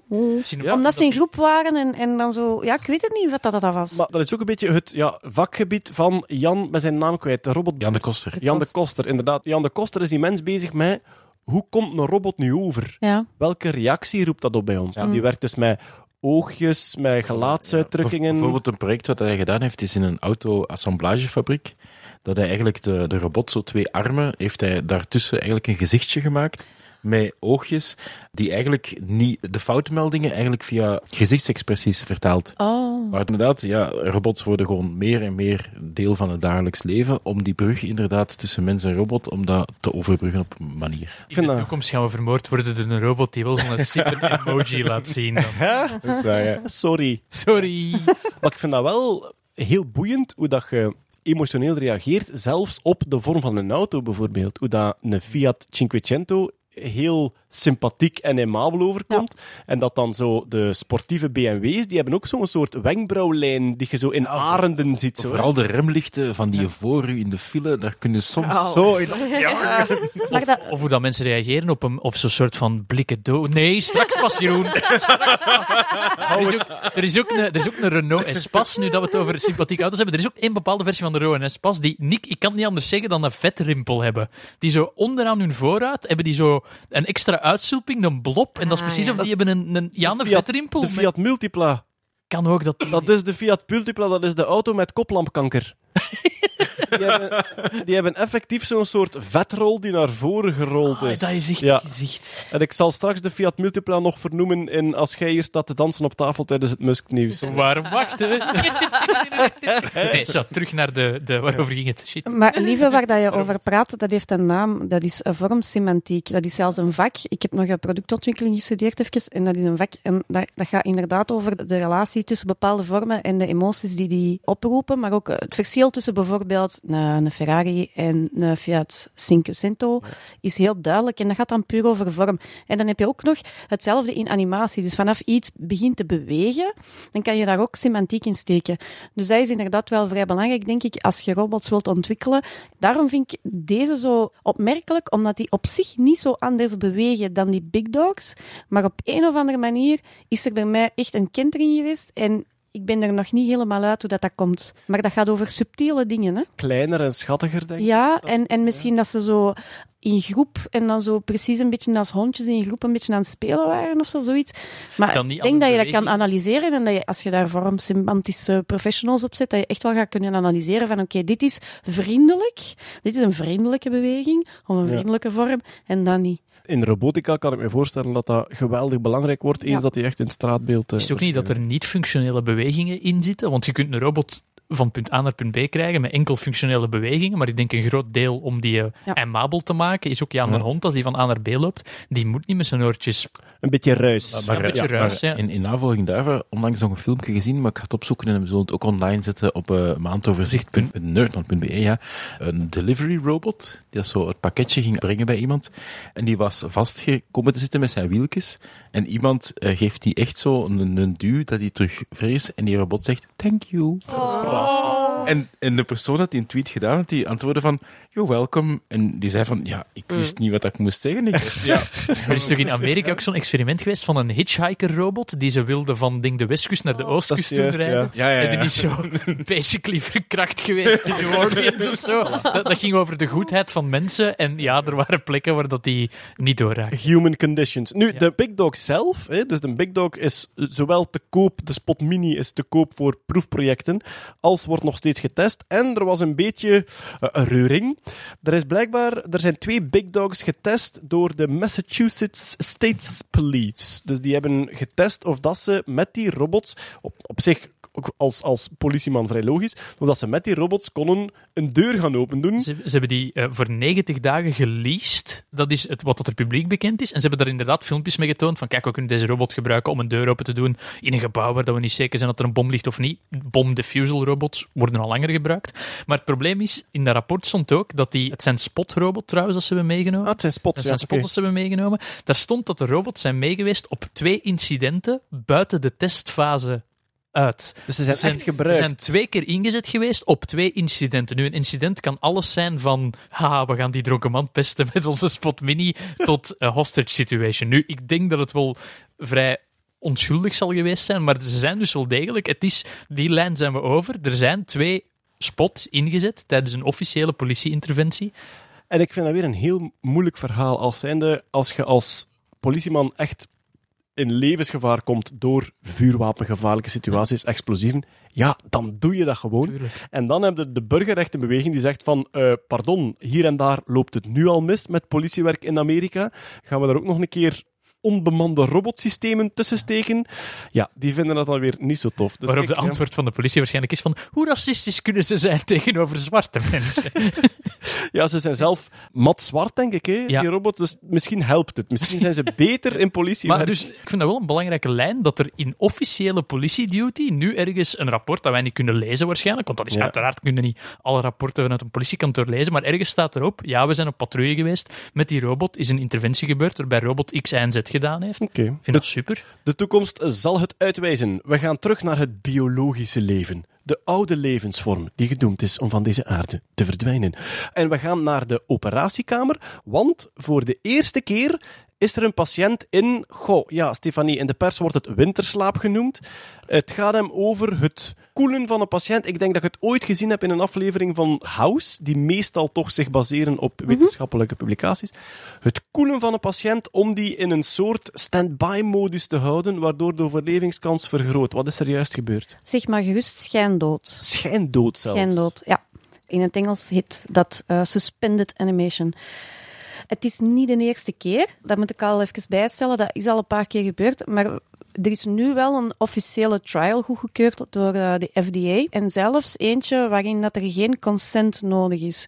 Dus het is een manier om het te mogen gebruiken routineus in de operatie. Ja, ik denk dat eigenlijk de bedoeling is om deze procedure te testen, om daar een officieel protocol van te maken. Dus het principe is heel simpel. Je koelt iemand af. Je koelt iemand af totdat eh, die persoon tussen de 20 en de 10 graden Celsius lichaamstemperatuur heeft. En wat heeft dat tot gevolg? Uw brein gaat bijna niet meer werken. Allee, er gaat weinig breinactiviteit zijn. En eigenlijk alles is inderdaad slowed down. Dus heel uw metabolisme is vertraagd. En dat kan voordelen geven. In bepaalde gevallen zijn er mensen met, die binnenkomen in, eh, in een ziekenhuis met heel zware trauma's, met heel veel bloedverlies, waarin dat je eigenlijk maar een paar minuten hebt om die persoon te redden. Maar als je al die lichaamsfuncties kunt vertragen, dan wint je tijd. Je zet die mensen in slow motion Je eigenlijk. zet die mensen in slow motion, ja. Dan kun je nog gaan lunchen. ja Nee, maar, maar dat niet, want ze hebben het berekend. Hè. Als je een operatie hebt van eh, 90 minuten, dan zou je die persoon moeten afkoelen tot 10 graden Celsius. Dat is echt wel heel Om, om weinig. hoeveel tijd te winnen? Ah, wel, 90 minuten. Hè. 90 minuten. Van, twee, van een paar minuten. Van een paar minuten naar Ja. 90 Ja. minuten. Dus drie kwartier naar de McDonald's. En- maar Hangt, Dat- hangt ervan af of je de, de drive neemt. Maar wil het dan zeggen, als je die 90 minuten hebt vertraagd, dat die dan, je weet niet hoe lang dat iemand leeft natuurlijk, maar dat die dan theoretisch ook 90 minuten langer zou leven? Ja, dat is iets voor filosofen. Kurt, we zitten nu in de operatiekamer. Er is geen tijd voor. interessant. Er Meest, is geen- meest nutteloze operatieassistent ooit. Stel, Ja, maar dat vind ik nu interessant. scalpel, meneer wordt, scalpel. maar dat wordt inderdaad gedaan. Met bijen hebben ze dat experiment ook Ah, ja. gedaan. Ze hebben drie kwartier, drie kwartier in de kou gestoken en die hadden inderdaad drie kwartier van hun te dag leven. kwijt. Die zaten, die zaten drie kwartier mist. Stefanie, wat is er Stefanie, wat is er gebeurd? wel. Wat, waar, wanneer, waarom? Je ziet, dat ze, je ziet dat ze bij de VRT zitten. Eh, je journalistieke vragen. Wat, waar, waarom, hoe, De wie. vijf, de vijf W's. Sorry, hè, dat kwam gewoon in mij op ineens. Ja. Het is ook vrij logisch. En er zijn ook eh, voorbeelden geweest. Bijvoorbeeld, er is ooit een, een vrouw, zelfs een arts, die was gaan skiën, die is gevallen, die is in de sneeuw terechtgekomen. Die is drie uur eigenlijk dood geweest. Dus ze zeggen, die heeft drie uur zonder hartslag in het ijs gelegen. Zonder hartslag zelf. Zonder hartslag, drie Nee, uur. Jan. En die is toch gered. Maar dus En de dan- zuurstof naar je hersenen valt zelfs Ja. stil. Of die gaan zodanig traag werken dat ze voort kunnen op de zuurstof die er nog Ja, rondhangt. die, dan? die zit niet helemaal stil, maar dus eh, bijna, er is bijna geen Die is, activiteit niet is die meer. er Schumacher uitgekomen of is hij eruit gekomen? Die is er echt uitgekomen en die is terug gaan skiën zelfs. Zo zijn er ook mensen die in ijskoud water terecht zijn gekomen. Ja. Die hetzelfde, Peter, ja. je leest mijn gedachten, of je hebt op mijn papiertje gekeken, want dat is inderdaad... Ja, er zijn mensen die verdrinken, dat noemen ze cold drowning, denk ik. Dus die een uur onder water liggen, zonder hartslag, en die toch nog kunnen geresusciteerd Maar worden. allee. Wat een... Ik neem mijn zonnebril even af. Koud kunstje. En de, ja, Het is een kanshebber voor de Gouden Jas 2019. Het is een plan dat we hebben eh, om misschien eh, niet alleen de moppen uit deze podcast, maar ook die van Erik van Looyen, de slimste mens, of van Ben Krabbe, om een soort prijzen te reiken. De Gouden Jas voor de grootste jasmop. Ga je jas halen. Ik heb spijt van niks buiten dat ik Stefanie onderbroken heb. Het is niet erg, ik ga nog even door. Dus hoe doen we dat? Ja, dat is heel dikwijls. In operaties is dat eigenlijk eh, bijna loodgieterij. Een beetje De- zoals de- een sifon. ja. Wel, enigszins. Dus hoe brengen we iemand tot zo'n koude lichaamstemperatuur? We gaan gewoon al het bloed vervangen door een koude zoutoplossing. Tussen de Allee. 0 en 2 graden, ja, dat pompen we er gewoon door. Steken die mensen ook wel aan een hart-longmachine, hè, want het, het hart gaat dan niet meer kloppen. En dan doet men de operatie. Dan ja, warmt je die terug op. En als je chance hebt, dan is die mens eh, oké. Pas op, dat is een heel gevaarlijke procedure. Hè. Het wordt dan ook alleen maar toegepast op mensen die echt, ja, die echt bijna nul kansen tot overleven Ja, hebben. hè. Dat het gaat dan sowieso gevaarlijker is om het niet te doen. ja, dat gaat dan over mensen die eh, bijvoorbeeld schotwonden hebben of steekwonden hebben, die al eigenlijk al geen pols niet meer hebben, die in operatiezaal terechtkomen, waarbij dat ze bijvoorbeeld de borstkas dan open halen en rechtstreeks eh, hartmassage gaan doen op het hart. Hè? Dus echt het hart vasthouden en daarin gaan knijpen. Als dat niet werkt, dan weet je van, hier is weinig nog aan te doen. En dan, ja, waarom niet dan? Hè? Probeer het dan. Hè? Dat is wel Oké, eh, maar dus het, het wordt... hardcore. Mannekes, je moogt maar twee inzendingen doen. Hè. Dus het wordt nu toegepast op mensen bij wie het echt gevaarlijker is om het niet te doen. Dus die Ja. echt al bengelen. Maar het zou best kunnen dat die techniek geoptimaliseerd geraakt en dat die ook gewoon bij andere operaties... Of ben ik dan te optimistisch? Ja, ik weet niet of dat, dat veel voordeel... Want het is natuurlijk nog altijd wel een gevaar. Hè? Ik bedoel, die mens moet nog wel bijkomen. Ja, hè? Dus eh, het is, het is, je legt wel iemand echt schijndood. Wie Dus, geeft er daar toestemming voor nu? Of moet er geen toestemming voor ah, wel, dus dat is het ding van deze trial. Dat is met een opt-out systeem. Ah, In die bepaalde staat is er nu gezegd dat soort type slachtoffers die dat, hè, zonder pols in de operatiekamer komen en eh, met open hartmassage er niet komen, ja, dan gaan we dat sowieso proberen. Tenzij dat je wilt opt-outen. Maar ja, wie wil daar nu op het is, opt-out? het is niet dat er iemand naar zo de familie in de wachtzaal moet en zeggen van kijk, er is weinig tijd, maar uw man is een sifon. En we gaan proberen... We gaan er cool in. onderzetten. Goed, eh, ja, we gaan zien wat dat, eh, wat dat brengt in de toekomst. Hè. Of, dat, of dat we daar nog vaker van gaan horen in de operatiezaal. We gaan eventjes naar onze vrienden, de insecten. Want, Peter, wat blijkt, ze staan zwaar onder druk door lichtvervuiling. We hebben het al een paar keer gehad over de insectenapocalyps. Ja. In welke mate dat die al dan niet bezig is. Ja. Maar lichtvervuiling zou daar een rol in spelen. dus na pesticidengebruik, na biotoopverlies, na climate change, is er nu ook iemand die beweert dat lichtvervuiling dat ook zou kunnen zijn. Ja, Trouwens, een voorbeeld van een insect dat aan het verdwijnen is door biotoopverlies is de schaamluis. ah ja, dat, Ja, maar dat Kees- is al langer... Ja, ja, Kees Moeilijker, Ja, ja. Kees Moeilijker is eh, ja, Ig Nobelprijswinnaar voor zijn studie over homofiele necrofilie bij de wilde eend. Die werkt in het museum in Rotterdam, waar hij een collectie heeft van uitzonderlijke dode dieren. En hij wil heel graag de laatste schaamluis van Nederland vinden. Omdat dus die populatie is compleet aan het verdwijnen, niet alleen door hygiëne, maar ook door biotoopverlies. Mhm. Omdat mensen gewoon hun bosje verwijderen. Ja. Waardoor die... Dus ja, red de schaamluis, scheer u niet mee. Nee, red de schaamluis niet, maar ze is aan het verdwijnen. Ga vooral verder. Ja, dus die lichtvervuiling, maar het is eigenlijk, allee, we kunnen daar heel kort over zijn hoor. Je hebt twee soorten effecten. Het is ofwel direct licht, dus een lamp en alles in de directe ja. omgeving. Of wat ze noemen night glow. Dus je kan, als je naar buiten gaat en je staat bijvoorbeeld op het platteland, dan zie je in de verte aan de horizon zo'n gloed van het De licht. stad op de licht, wolken. ja, van de stad in, in, Ah, in de ja, verte. ja. Peter vanuit Limburg, ah, beschaving. Als hij op zijn veld staat, ah, daar in de grote stad. Zo rijdt hij naar hier ook. Jupaard, naar het licht. Volg de lichtjes. Op mijn MS-top zie ik dat. We, we zijn Peter weer aan het onderbreken. Ja, sorry. Maar Dan. echt dan wordt het kort spakjes. zijn. Sterker dan. Ja, enfin goed. Maar dat heeft volgens de onderzoekers wel verschillende effecten. Dus bijvoorbeeld dieren die dagactief zijn, die hun activiteit gaat langer worden. Dus dat gaat meer licht zijn, dat gaat langer licht zijn, dus die blijven actiever. Maar dieren die bijvoorbeeld nachtactief zijn, die hun periode dat zij kunnen actief zijn, wordt veel korter. En gaat het daarover, over het zijn- het activiteitsperiode zijn dingen over oriëntatie ook? Het gaat ook over ja, oriëntatie, maar het gaat ook over bijvoorbeeld dieren die door lampen worden aangetrokken, zijn een veel gemakkelijker prooi voor bijvoorbeeld vleermuizen. Ja. En dit is het gecumuleerde effect van al die dingen. Bijvoorbeeld, en ik denk dat jij daar ooit al eens iets over gezegd hebt, dat bepaalde libellen of eendagsvliegen bijvoorbeeld misleid worden door heel blinkende grafstenen, omdat ze dat, Omdat dat polariseert. omdat dat ook. polariseert. Maar ook dat zou bijvoorbeeld lichtvlekken op de grond, zou die dieren ook misleiden. En denken van, ah, hier is een poel water, en die zouden dan proberen daar eieren op te leggen. Dus het zijn al die, het zijn allemaal maar hele kleine effecten, maar die zouden gecumuleerd wel een Want- grote impact kunnen hebben op de Maar de ontwikkeling dan van insecten. bijvoorbeeld een tijd geleden of zo, zo de meikever, zo dat, dat dier dat drie jaar in de grond zit en dan Ja. zo'n week of, of een maand, Een paar weken, ja. Ja, Ja. die dat dan echt eh, door, door licht aangetrokken worden. ja, ja, ja dat is ook zo. Met En dan- unikevers bijvoorbeeld is dat heel erg. En dan vergeet het te paren waarschijnlijk om voor te planten, ik weet het niet. Ja, dat- bijvoorbeeld. Klopt. maar- Of, of bijvoorbeeld allemaal massaal rond lampen beginnen te hangen, waardoor Ja. ze heel gemakkelijk te detecteren zijn door vleermuizen of vogels en dan worden gepakt. Terwijl ze dat, als er geen licht is, ze zich veel gemakkelijker kunnen verbergen. Nu, bij insecten weten we dat de evolutie veel sneller gaat dan bij ons, hè, omdat de Ja. generaties elkaar zo Mhm. snel opvolgen.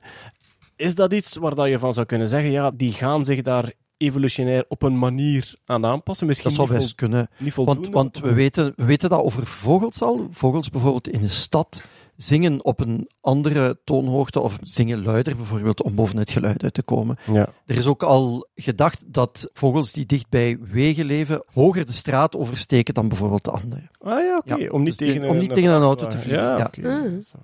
Ja. Oké, maar dus eh, ja, alweer iets dat de insectenpopulatie onder druk zet.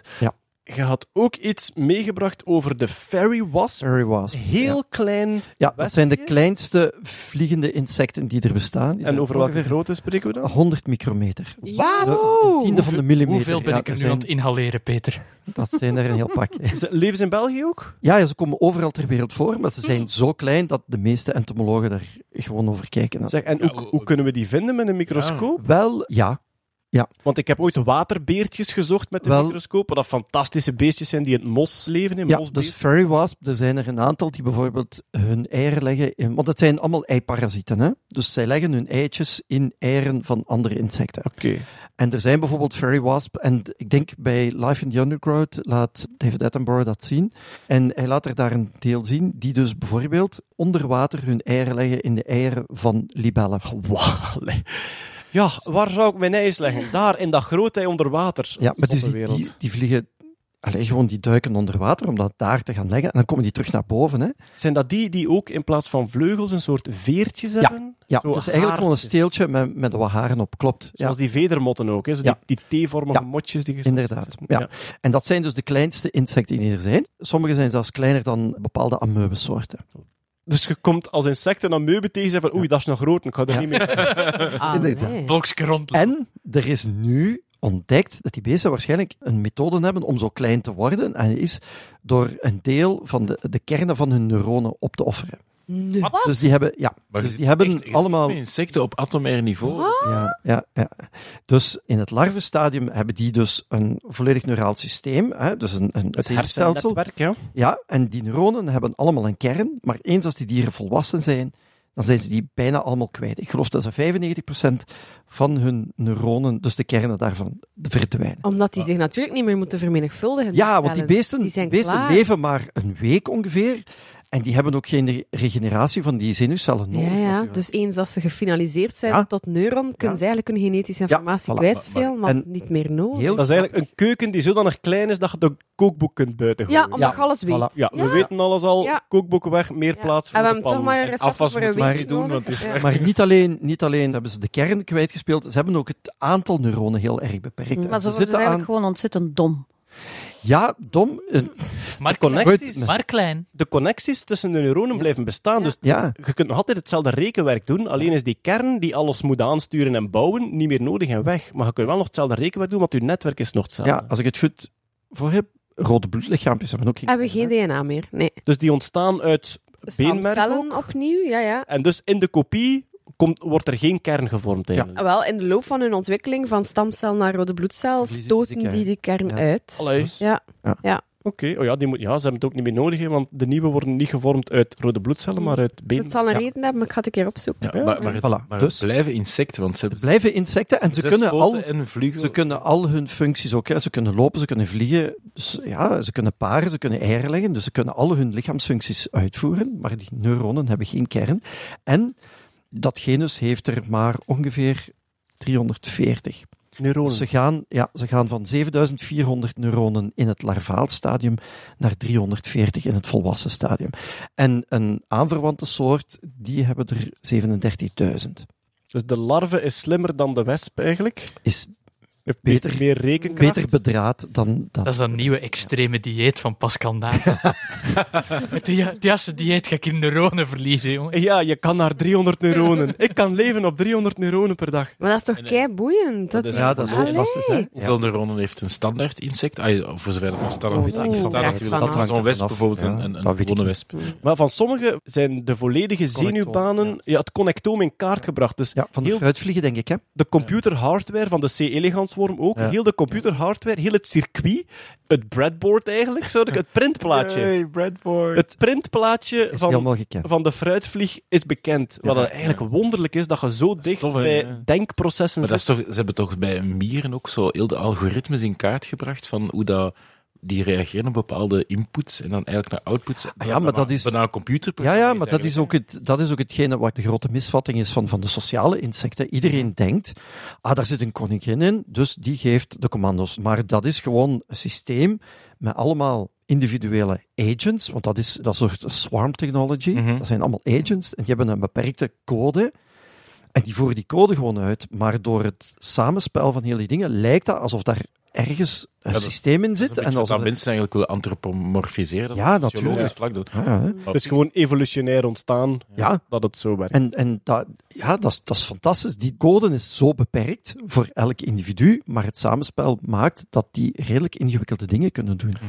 Oké, ik denk dat er iemand nu lang genoeg gewacht Ja. heeft om zijn feestje te vieren en zijn endorfinen te laten stromen. Dus met pijn in het hart is het nu tijd voor...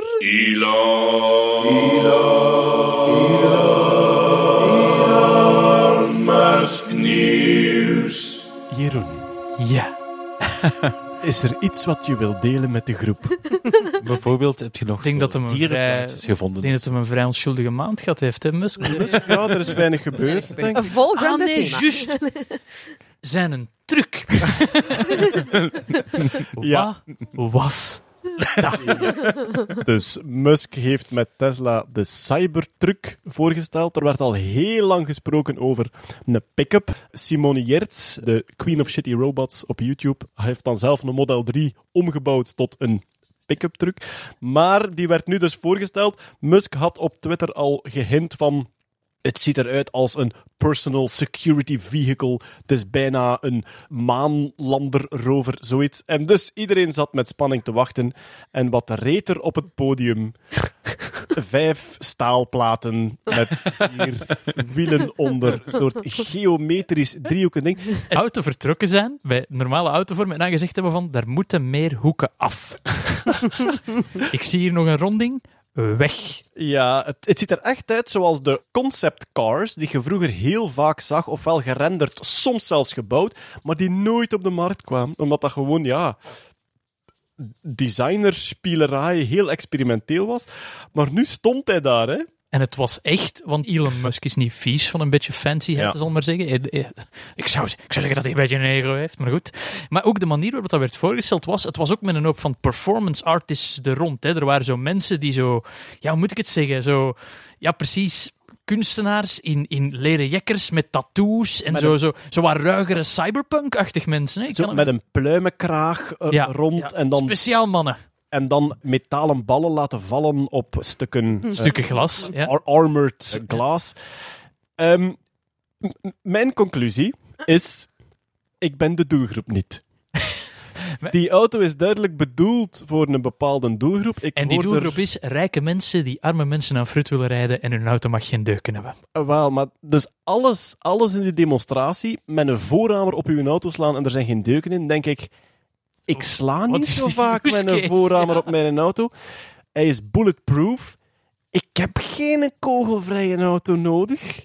Je kunt met metalen ballen in je glas gooien en ja, er waren dan wel deuken in. Want dat is, dat, daar werd ook heel veel over verteld. Dus ze doen hier een demo. Je kunt met een metalen bol op het glas smijten en het breekt niet. En het breekt dan wel. En er was heel veel over te doen. Was dat nu Hoeveel mensen of dat niet? er mij tijdens mijn twee uur durend feestje na die presentatie gestuurd hebben van ja, maar ja, Jeroen, dat is marketing, hè. We praten er toch maar over, hè. Ja. Oh, fuck right off. Het is Elon Musk. Als die mensen een scheet laten, praten we erover. Het is Ja. onmogelijk dat eender welk marketingteam dacht van ja, kijk, het is een goede presentatie. We hebben al die, dat feesten, dat vuurwerk daar rond en we gaan er met een quad op rijden. Maar weet je wat dat die presentatie beter zou maken? Als hem die laatste 10 minuten moet afleggen voor een geblutste auto met kapotte ruit. Da- Daar is toch niemand... dat- Nee. Ik heb zitten denken, wat dat we nu moeten doen, dat is ruitenstickers maken voor uw gewone auto met diezelfde barsten in. Als Musk-fan kunnen rondrijden met diezelfde vorm van barst in uw auto. Ja, goed, ik vind hem gatlelijk, Ja. Spuuglijk. persoonlijk, maar er zijn er nu 150.000 besteld. Wat dat 200 Meer, Oh, oh. 300 bijna. 250. Ja. 250.000 Eh, rustig, fans. Niet jullie maand. Wat dat, dat u vertelt, is dat er 250.000 mensen zijn die dat een parking gaan oprijden en waarvan dat iedereen in een straal van drie kilometer direct gaat denken wow, wat een eikel. Ja, ik, nu moet ik Of- persoonlijk zeggen, Wat een... Het vrouwelijke equivalent van... Wat een clitoris. wat een clitoris. Nu moet ik zeggen, er zijn heel veel auto's die heel goed verkopen met exact die uitstraling. Er zijn heel veel auto's die verkopen gewoon op uitstralen van agressie en eikeligheid. Dus alweer, ik ben de... Ik ben de ja, het merk is genoemd door een kuchende els. Verwachten we dat die nog gaan sponsoren of zo? BMW. Maar dus, ik ben de doelgroep niet. Blijkbaar is er wel een doelgroep. Want ik heb al mensen gesproken die zeggen van oh, hij ziet er wel echt badass uit. Dan heb ik ken, ik ken zelfs iemand die er een besteld heeft. Is het echt, ja? Ja, Ja, ik was heb vandaag reden? iemand ook gezien. Ja, die, die rijdt nu met een oude Land Rover rond. En Ja. die, het is geen, eh, hoe dat je het zegt, zo, geen, eh, Geen, Een een eikel. Geen Een patser, ja. Nee, het is geen patser, het is geen het is een heel toffe kerel. En, ehm, Nu nog, totdat dat ding er is. Dan kan hij er niet Maar wacht, hij rijdt nu rond met een oude Land Rover die heel veel benzine zuipt. En hij heeft ook een boot dat hem soms moet trekken. Hij, dat is echt zo het doelpubliek van iemand die een stevige auto nodig heeft. Hij is Ja. om, om zo door de bos te kunnen rijden.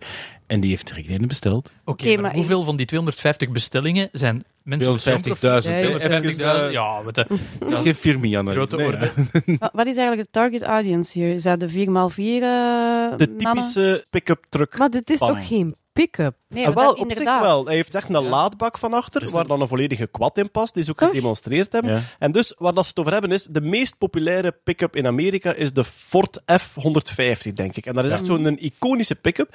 En ik heb ook een paar filmpjes gezien van dan technologiejournalisten die ook met verstomming geslagen de presentatie gevolgd hebben en die het achteraf proberen analyseren van er moet toch, allee, er wordt wel nagedacht bij Tesla. Dus, dat, dus er moet toch Daar iets, gaan we vanuit, ja. er moet toch een redenering achter zitten. Ja, maar En- nu zitten we de hele tijd bezig over hoe dat die eruit ziet. Maar, maar wat kan die? Eh, wel, maar dus hun analyse is geprobeerd binnen te komen in een markt, de pick-up trucks, die Mm. heel traditioneel is. Die vol zit met mensen, Mhm. met conservatieve mensen, die helemaal niet inzitten met dat milieu en met dat gelijk wat. Dus als jij een kopie bouwt van de pick-ups die er zijn, zoals de Ford F-150, dan denken die bij zichzelf minder kilometers, opladen in plaats van tank. En die denken, fuck off, ik koop mij gewoon de volgende versie van die Ford F-150. En dus hun redenering is, diversifiëren is de enige manier om als nieuwkomer in die pick-up markt, die eigenlijk verdeeld wordt onder Ford en Toyota, hè, om daarin binnen te breken. En alweer, ik ben de doelgroep niet. Natuurlijk, ik behoor niet tot die markt. Ik heb dat soort auto niet nodig, dus mij moeten ze niet pleasen met dat ding. En dus hun redenering is, dit is echt diversifiëren en een zeer performante, krachtige auto bouwen, die mensen toch gaan kopen. En als ik heel optimistisch ben, en ik geef toe Jeroen, ik ben dan te optimistisch, hè, zou zal je wel kunnen zeggen, ja, als je heel optimistisch bent, zou je kunnen zeggen, het is een poging om elektrisch rijden binnen te brengen in de moeilijkste groep om elektrisch rijden in binnen te brengen. Dat is de heel optimistische, filantropische versie van die Cybertruck. Maar ik vind hem niet zo mooi. Ik heb wel al gehoord...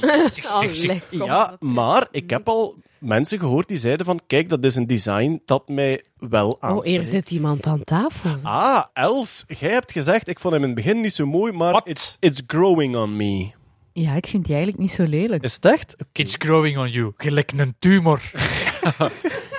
Als je dat filmpje ziet met die Ford, dat hij zo moet Ja. de berg optrekken, dan denk ik toch... Ja, als je nu van die twee moet kiezen, dan kies je toch niet die Ford? Ja, maar je moet niet kiezen, Els. Ah nee, we zijn de doelgroep maar, niet. maar gelijk zo, Jonathan Ive heeft zo op een gegeven moment zo heel het besturingssysteem van Apple hertekend.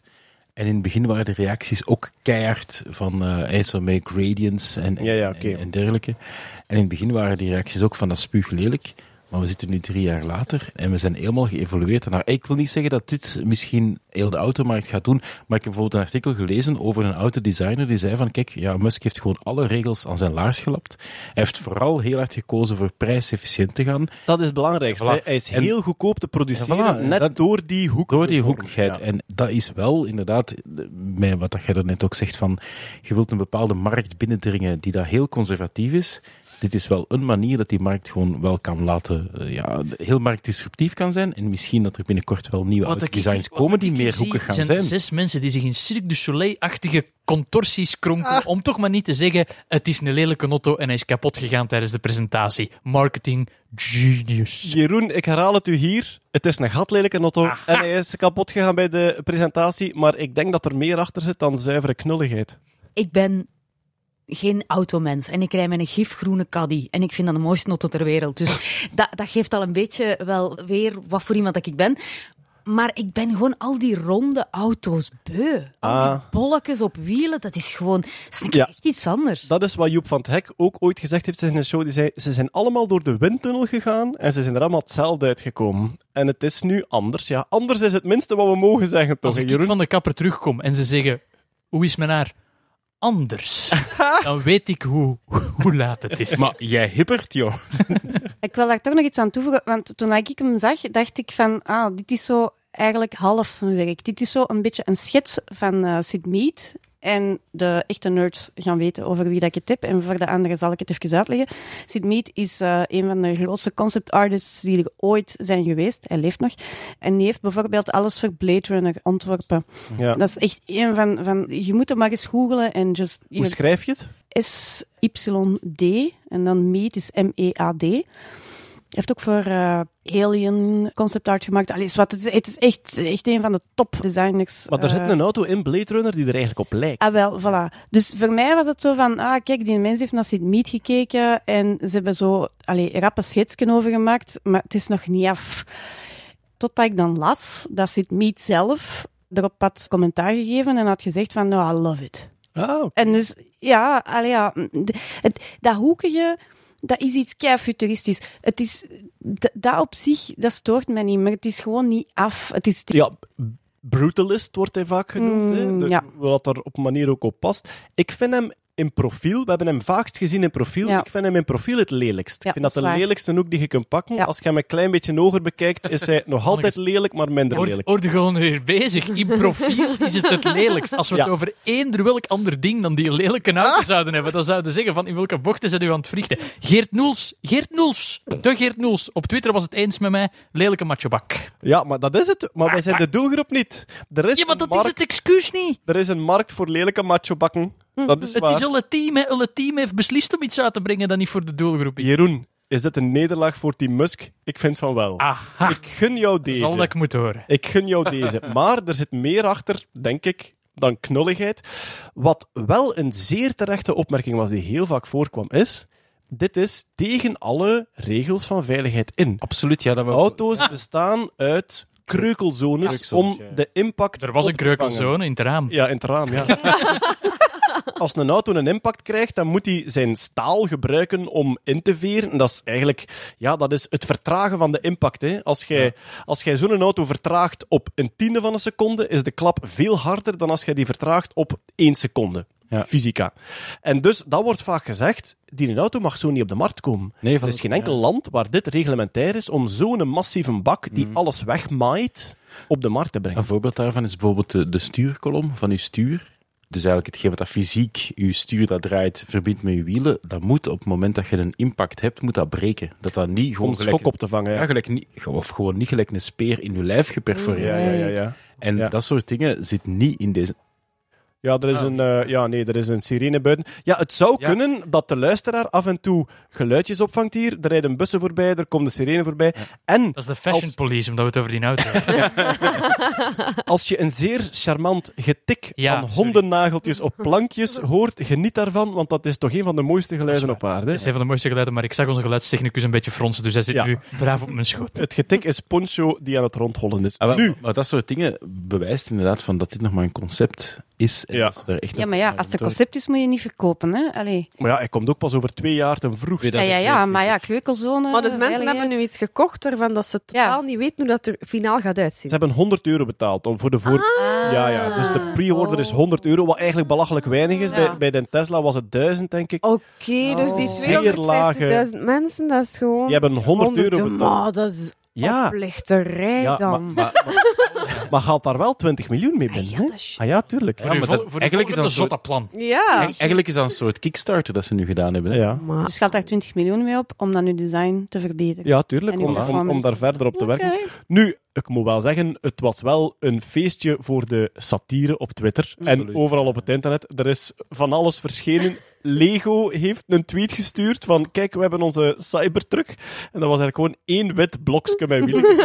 Dat was Best wel geestig. Maar wel schoon belicht. Zelfs Simon Ja. Geert, ze was daar live aanwezig, ze had Trucla Ja. niet mogen meebrengen. En haar eerste reactie was, ik weet nog niet wat ik ervan denk. Maar ze heeft met een truckla gereden. Hè. Er zijn beelden van de truckla van Simon Jeert, Ah, die achter de Cybertruck rijdt. En ik denk bij mezelf, Simone, de nieuwe is schoonder. Ah, dat maar goed, ja, voilà. ja.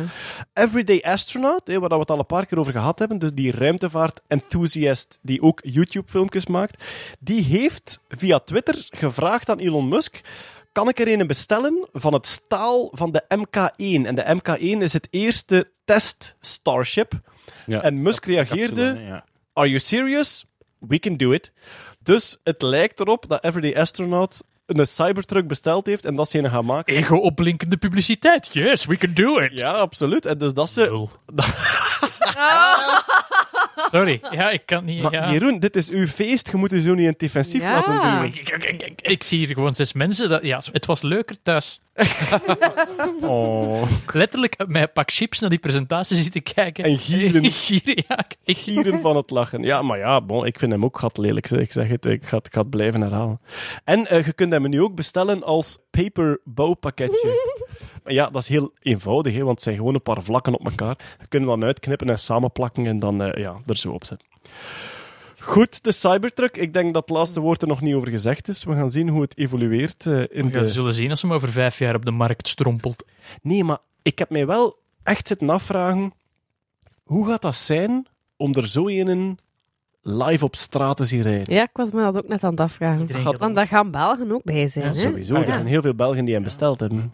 Dat gaat onheimlich zijn om dat ding Ja. te zien rijden. En dat gaat ook een beetje, want ja, nu is het allemaal presentatie en zo beelden, maar om hem dan echt te zien staan voor uw neus, Misschien ja. gaat hij nog mooier zijn. Wat, al, wat las ik deze week trouwens in het laatste nieuws? Dat is iets er op de podcast ook nog niet verteld is. Er rijdt hier iemand rond met een Tesla. Met een Model 3, ja, inderdaad. Ja, dat klopt. Ik heb het in de, Oh! in de slimste mens. Ja, ja, ja, in de slimste mens had het mij gevraagd. Dus ik heb samen met mijn buurman, hè, dus Ah, samen ja, met ja. Hebben wij een Model 3 gekocht, omdat Jonas had nog een oude diesel die weg moest, omdat die ook gewoon Gent niet meer binnen mag met de Ja. emissiezones. En dus we hebben samengelegd voor een Tesla Model 3. Dus ja, gelijk dat de Johnny samen een BMW koopt, hebben wij samen een elektrische auto gekocht. Ik vind het enorm schattig, maar ik ben ook Musk-skepsis, dus spuw op je. Ja, oké. Maar de vorige keer toen ik zei dat we erover aan het denken waren, was uw vraag, Jeroen, Mag ik een keer meer rijden. Ja, dat is toch altijd wel Ja, maar eh, Jeroen, je hebt al een keer in een Tesla gezeten. Dat is waar. Ze hebben Ja. met Sound of Science hebben ze mij erin geduwd. Ik heb me erin heb- Er zijn Er foto's zijn van. beelden van. Die je nog altijd niet gebruikt hebt. Dus. Nee, maar... Was eh, het deze niet de maand om die boven te halen en te ja, zeggen van kijk Jeroen, ja. jij gaat vriendelijk zijn over onze, onze nieuwe Heil, eh, Heil Lord, de Cybertruck. Maar ik moet wel zeggen, uw gezicht sprak wel boekdelen over het feit van shit, ik moet. wat die Notto nu betreft, hè, die wordt verkocht op pk en versnelling en dat soort dingen. En ja, alweer, ik ben daar de doelgroep niet van. Maar die software daarin, ja, dat is toch een beetje om van te kwijlen. Hè. Dat is geen zelfrijdende auto, hè, maar die kan wel op de autostrade kunnen die zeggen van volg nu zelf de baan en blijf binnen de lijnen, hou afstand van de rest. Je kunt eigenlijk van oprit tot afrit kun je ja, niet hands-off het stuur, want je moet je stuur vasthouden. Hij controleert dat ook, wat al maar best is ook, anders zouden mensen me geen e-mails beantwoorden. En die software-updates om de zoveel maand krijg je opeens, je auto is geüpdate, je stapt in en daar zitten allemaal nieuwe dingen in. Die is gewoon via uw wifi, zit daar nieuwe besturingen in, zitten daar nieuwe games in zelfs, zit daar een nieuw design in. Enfin, ja, Moet dus dan maar eens uw zwangere vrouw naar het ziekenhuis rijden. Ja, sorry, de auto is geüpdate. Ik moet even zoeken. hij rijdt nu nog beter. Ja, inderdaad. Ja, uw zwangere vrouw in een Cybertruck rijden, dat zou ik wensen. Ik heb hem wel, ik heb de Cybertruck prachtig omschreven gehoord als een slecht gerenderde Fiat Multipla. En dat vond ik nou wel, dat is echt zo low poly. Hè. Low poly is een grafische stijl waarin dat je met heel veel vlakken werkt. Ah ja, dat is exact uw vakgebied, Ja, Jeroen. dus- Computer graphics. Vroeger konden ze maar heel weinig drie... Allee, je kunt perfect een sfeer benaderen door oneindig veel driehoekjes, maar natuurlijk niemand kan oneindig veel driehoekjes renderen, dus je maakt een benadering met driehoekjes. En vroeger konden ze maar heel weinig driehoekjes op het scherm brengen, dus dan waren alle karakters... Ja, kijk naar de eerste Lara Croft, dat waren... Ja, Mhm. Maar dus, een vlak met twee, twee driehoeken op. En Maar we gaan even specifieker moeten zijn. Als je een computer een object wilt laten ronddraaien in 3D, Ja. het gemakkelijkste is een vlak. Ja. Omdat je dat gemakkelijk kunt berekenen. Je hebt daar de grenspunten en dan kun je berekenen hoe dat, dat eruit ziet vanuit een bepaalde hoek. En dus, computer graphics waren vroeger altijd zoveel mogelijk vlakjes. Je probeerde je object te verdelen in zoveel mogelijk vlakjes. En je, je verandert de positie van de hoekpunten door daar duizend keer matrixberekeningen op te doen, Ja. wat dat computers dan heel goed konden. En zo kon je een object doen. En van puntjes. En tussen die punten werden driehoeken getekend. En dat was dan uw vlak. Tegenwoordig zie je dat niet meer, omdat die Omdat resolutie er zo klein geworden is. belachelijk veel driehoekjes zijn Voilà. en trucken. Maar in 3D-printing bijvoorbeeld is low poly is een soort grafische stijl. Je kunt zo low poly vosjes en giraffen. En die zijn eigenlijk Ah, heel mooi, Ja, ja. heel mooi in driehoekjes verdeeld. En je ziet dat vaak ook in paper art, zo Ja, op papier. geboortekaartjes ook. Ja, ja, ja. En in een IKEA. Dat is nu, een, dat is is nu het een echt, ja? techniek in spelletjes ook. Objecten die dicht bij de camera zijn, wilt je een high poly. En zo'n vos die je 20 kilometer verder door een bos loopt en dat één pixelken op je scherm is, Ja. daar wilt je een heel laag poly model voor gebruiken, want dat maakt niet uit. Daar wilde je rekenkracht Voilà. aan, eh, aan, aan vermogen. Ja. Oké. Basically, mijn onderzoek dat. Ah, ja, voilà. Ja, juist, ja, dat is uw doctoraat. Pijnlijk, ja. ja. Klopt, ja. Pijnlijk. Goed, dus de Cybertruck. Ja, iets zegt mij dat in de komende Musk-nieuwsen er nog wel eens een Cybertruck zal passeren. We gaan eventjes kijken wat er nog allemaal gebeurd is bij de gorillas. Facebook weigert factchecks uit te voeren op politieke advertenties. Het is een zeer heikel thema voor Facebook om te zeggen. Wij gaan politieke advertenties regulariseren, want dan word je heel snel beschuldigd van politieke voorkeur, zeker door de Republikeinen, omdat die heel veel onzin verkopen die dan weer licht kan worden. En zij hebben dus gekozen voor de andere weg. Alles mag. Alles mag. Ja, het, het, het grote ding is dat er zijn al studies uit zo na Cambridge Analytica. Het feit dat er daar inderdaad echt onwaarheden verteld werden. En wat dat Facebook aanbiedt is gewoon heel targeted bepaalde advertenties op bepaalde doelgroepen. Ja, het is niet alleen onwaarheden, ook nog een keer een AI-berekening bij Voilà. welke personen dat, dat gaat werken. Voilà, ze zoeken een hele doelgroep uit waarbij dat zij de waarheid... Ah ja, de waarheid is natuurlijk moeilijk te omschrijven, maar een bepaalde vertekening of een bepaalde gekleurd beeld van de waarheid gaan doen naar een bepaalde doelgroep. Dat is door Cambridge Analytica heel erg naar boven gekomen, maar er zijn al studies dat zeggen dat heel Brexit, eh, de Referendum. referendum, dat dat beïnvloed zou zijn. Twitter heeft bijvoorbeeld gereageerd van wij gaan geen politieke advertenties meer toelaten op ons platform. Wat dat zeer De andere methode, ja. de andere methode is. YouTube denk ik ook. Facebook heeft gezegd, bij ons mogen we nog altijd wel doen. Na heel die hearing rond Cambridge Analytica heeft Facebook gezegd, we gaan factcheckers, dus eigenlijk bedrijven gaan inhuren om berichten die op Facebook komen te gaan checken van klopt dat of klopt dat niet. Er is bijvoorbeeld een bedrijf in Nederland dat daarmee bezig is, voor dan de Nederlandse markt. En die hebben op een bepaald moment een aantal advertenties ook aangeduid van kijk, dit klopt niet. En Facebook heeft toen gezegd, ja, maar op advertenties geldt dat niet.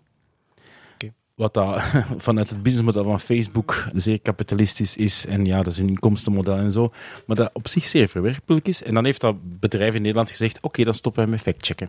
Oké. Ah ja, die hebben echt gezegd, Ja, we stoppen hier doen we niet aan mee. We doen daar niet mee. Wat dat eh, ja, zeer erg is, vind ik persoonlijk wel. Want dat eigenlijk, ja. je kunt van Facebook heel veel zeggen, maar dit is gewoon echt misdadig. Ja, die komende verkiezingen, dat wordt nog iets om Ja. zeer dicht in de gaten te houden. Hè? Want mensen baseren hun opinie sowieso op wat ze binnenkrijgen. Allee, heel veel mensen Voilà. baseren het op wat ze binnenkrijgen. Typisch voorbeeld van microtargeting is jonge vaders. Daarop stuurt je reclame af van immigranten eten baby's. Zo ja, extreem, zomaar zo extreem. Ik, maak een over- ik maak een overdreven voorbeeld, maar Maar Cambridge Analytica, daar kwam letterlijk uit dat nieuwsberichten over verkrachtingen door immigranten, Ja. waar of niet, werden specifiek getarget naar jonge koppels. Van dochters dan nog. Hè. Dus jonge koppels van dochters die je kunt selecteren via Facebook, Ja. daar werd dat naartoe gestuurd. Dus zo, Ja, ja. zo vilijn wordt het inderdaad. Goed, we gaan zien wat dat het brengt bij de komende verkiezingen. Maar ja, onze Uber-gorilla was ook Ah. weer in het nieuws, want er komt zowaar een film over John McAfee.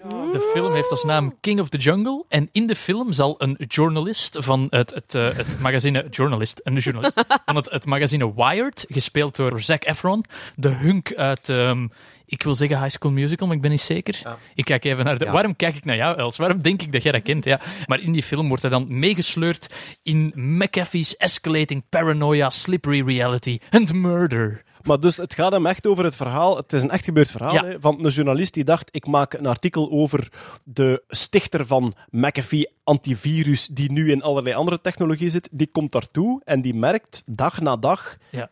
Die is zodanig gek, die is hier gewoon een soort dictatorship van een wijk Heeft aan een, het bouwen. een drugslabo in de jungle. Ja, heeft Voilà. En dus dat gaan ze verfilmen. Maar wat ik heel tof vond, was: het is een komedie. Ja, het is een, het is een olijke comedie met Het Zac is, ja, Efron. het is een oorlijke komedie Ja. met moord en dictatoriële trekken. en Alleged murder. En pies en kakseks. Dus enfin, de cinematickets vliegen nu al de deur uit. King of the Jungle, een komedie over John McAfee. Goed, daarmee hebben we de gorillas ongeveer gehad. We hebben een paar recalls te doen. De belangrijkste, de nullplate. Ja, De nummerplaat waarop NULL stond, nul, zoals we in een vorige podcast gezegd hebben. Iemand die probeerde om zijn boetes via een soort software hacking onschadelijk te maken. Er was een Belgische auto gedetecteerd, die is ons toegestuurd met foto met die nummerplaat. En we hebben hem gevonden. Hij heeft ons via Twitter zelf ja, gecontacteerd. ik mag zijn naam zeggen, want het staat op Twitter. Sylvain Girard heeft ons gecontacteerd. En het was inderdaad zijn bedoeling om het crashen van systemen die plaat te lezen. Hij heeft er nog maar één keer een probleem mee gehad. En dat was in het reserveren van een parkeerplaats in Amsterdam. Dus waarschijnlijk via een soort van web-based systeem of een of ander interface dat er niet mee om kon. Hij rijdt er al vijf jaar mee. Hij heeft er 1000 euro voor betaald voor die plak. Zeker geen 2000 euro voor betaald, zoals Kwatongen beweerde. Ik laat aan andere mensen over of dat duur is of niet. Winky winky face. Ja. En de politie heeft er nog nooit iets van gezegd. Andere weggebruikers willen zo wel eens een nul maken met hun handen als ik in de achteruitkijkspiegel kijk. Dat is het gevoel dat je gaat hebben als je met een cybertruck rondrijdt ook. Dus ja, en ik moet ook iedereen bedanken die ons... Er is blijkbaar een nummerplaatregistratiewebsite die je online kunt raadplegen en daarop hadden we die info ook legaal kunnen vinden. Niet zijn naam, maar wel hoe lang dat hij er al mee rondreed en zo. Zeg, nu dat je dat zegt van die cybertruck, ik maak me net de bedenking, eigenlijk is dat gewoon een skatepark op wielen, een cybertruck. Een skatepark heeft toch ook allemaal van die hoeken waar je zo van die slides op kunt doen? Ik wil wel eens zien hoe dat de gemiddelde Cybertruck-eigenaar reageert als je met je skateboard zit te grinden over zijn truck. Die vindt dat niet erg, want hij is indestructible. Ja, behalve als je een metalen bal mee hebt. Dan gaat hij misschien een beetje kwaad zijn. Ja, wij hadden het ook vorige keer over de bomen die geplant werden. Eh, Team Trees heette dat, denk ik. Ja, Team daar ben, ik, daar ben ik een beetje streng over geweest. Ik ga één ding terugnemen. En dat was het woord shady. Ik heb het woord shady gebruikt, dat had ik niet mogen gebruiken. We gaan het misschien gewoon schetsen. Jij had sceptisch, Ja. Stefanie, bij het feit... Bomen planten is niet de oplossing van alles. Dat moet doordacht gebeuren. Ja. Je moet niet zomaar overal bomen zetten. Je moet dat enkel doen als dat doordacht is. Wij hebben daar toen een kanttekening bij geplaatst. En we hebben veel reactie gekregen. Mensen zeggen, het project Team Trees is redelijk doordacht. En we zijn daar misschien iets te streng voor We geweest. hadden misschien ook iets te hard over oh, die gekke YouTubers. Ik geloof best dat er YouTubers zijn met een groot publiek en veel geld die nuttige dingen doen. Maar ja, voor u was het gewoon omdat Elon Musk een miljoen euro... Ah ja, tuurlijk, ik was dat- sowieso tegen. Dit kan niet, Fuck- slecht. Fuck bomen. Wat een lelijke bomen. Al die hoeken. Ik zat een beetje in een trip van de, de effective altruism. Dat zijn mensen die heel interessante dingen doen, die onderzoeken hoe dat je best je geld kan uitgeven aan goede doelen. Dus ik ben daar echt in een rabbit hole terechtgekomen. Je moet dat zelf maar eens doen. Zoek dat maar eens op. En er zijn zo heel handige tests die je online kunt doen. Van oké, ik wil hier 50 euro doneren. Aan wie kan ik dat best doneren? En dan kunnen ze zo'n test nemen van wat vinden belangrijk en wat niet. En dan krijg je echt zo'n goed resultaat van ja, oké, dit zijn de dingen die het meeste impact geven. Ja, en ik heb dan ook wel wat mensen gesproken over die boomplantdingen. En ja, ja, bon, het blijkt toch dat je dat echt heel voorzichtig moet doen. En er was onlangs ook nog een opiniestuk. Ook iemand die zei van, ah, ik weet het toch niet. En Ik Ah, wel, link het in de bomen show planten is niet altijd de beste oplossing. Bijvoorbeeld, Natuurpunt gaat in België op bepaalde plekken bomen rooien. ja, Omdat zij daar een soort biosysteem willen installeren waar dan net geen bomen in groeien. Mm. En dus, goed, daar vallen zeker kanttekeningen bij te plaatsen. Blijkbaar, dit specifieke project, die Team Trees, gaat hem echt over het heraanplanten van bomen waar dat ze net afgebrand zijn. Dus het zou veel credibeler zijn dan wij ze toen credit gegeven hebben. Bon, dat hebben we dan bij deze rechtgezet. Maar Bedankt voor de mailtjes, toch? Ik bedoel, dat sowieso. Hè. Wij houden van correcties. Absoluut. Wij zijn daar absoluut niet vies van. Maar hetgeen dat je zegt, effective altruism, vind ik een geweldig boeiende beweging. Dat zijn mensen die echt gaan kijken van, oké, je kunt je laten verleiden door je emotie om ergens aan te doneren. Ja. Maar het zou heel goed kunnen dat buiten je gezichtsveld er een ander gebied is waar dat je 100 euro die jij doneert veel efficiënter wordt ingezet. En zij maken dus websites en onderzoeken waarin dat zij zien van, kijk, als jij nu voor dit goede doel dit bedrag over hebt, dan is dit eigenlijk de beste plaats om Ja. het te zetten. Effective altruism. Ik denk als je erop googelt, komt het terecht op de Absoluut, ja. Voilà. Ja. En ook op oh, de- ah, oh, sorry, ja, maandoverzicht.nerdland.be. maandoverzicht.nerdland.be, waar onze show notes staan. En daar zetten we dan ook een link naar het Effective Altruism. Goed, dat waren de recalls. Dan moeten we over naar onze favoriete rubriek na het Musk-nieuws. En dat is Jeroen, het Ah ja. kak- en dierennieuws. Nieuws. Als ik me niet vergis, was er weinig kaknieuws. Ah, we hebben straks wel anaal nieuws, maar dat zit ergens Dat is een anders. ja dat, is, andere... dat is dat is voor mij. Ja, Ja, voilà. dat is Voor waar. mij. Ja, maar jij mocht meedoen met de kak- en dierenrubriek. Ik denk, de meest in het oog springende waren toch, verschillende mensen zullen het wel gezien hebben, koeien met VR-brillen op in Ja. Rusland. In Rusland. Dat, eh, blijkbaar werden die VR-willen gebruikt om die koeien een soort van rustgevende groene omgeving eh, voor de ogen te draaien. Een zomerweide. Zomerweide. Het is mij alleen niet duidelijk, en ik heb hard gezocht. Het is oorspronkelijk is het in een bladje gekomen van de Russische Landbouwfederatie. Dat is dan Ja. vertaald geweest door de Moscow Times. Mij is het niet helemaal duidelijk. Ook de foto die erbij stond overtuigde mij niet dat het effectief VR was. In de zin van, oké, je kunt een koe een tv voor zijn ogen plakken. Ja. Maar VR is wel degelijk het tracken van de positie van het hoofd van die koe. En 3D. En het, en het aanpassen van dat beeld en in 3D. Hebben koeien, hebben koeien 3D-zicht, Peter? Ah, Wel, maar dus... Ik weet dat het grote Ja. insecten zijn, maar ik kijk naar u. Koeien, koeien hebben ogen aan de zijkant, Ja. hè, want het Ja. zijn prooidieren. Dus typisch jagers hebben de ogen aan de voorkant om 3D te zien voor Ze zich. moeten geen afstanden inschatten. Hè. Voilà, ja. Hoe ver is de graspriet van mijn mond? Ja, dat zullen wel voelen, hè. Domme koe. Dus koeien hebben hun ogen aan de zijkant. Maar dus effectief, het was een Russisch staatsexperiment van de Nationale Landbouwonderzoeksvereniging. En zij hebben dus 3D-brillen omgebouwd, VR-brillen omgebouwd, om te werken op die ogen op de zijkant. Ik denk dat ze een heel klein kegeltje hebben voor zich met 3D-zicht, maar het grootste deel is 2D-zicht, wat het ook weer qua software veel gemakkelijker maakt. Want je moet dat perspectiefverschil tussen je twee ogen niet berekenen. En dus hebben ze een grote bak op die koeien gezet met daarin een zomerweide.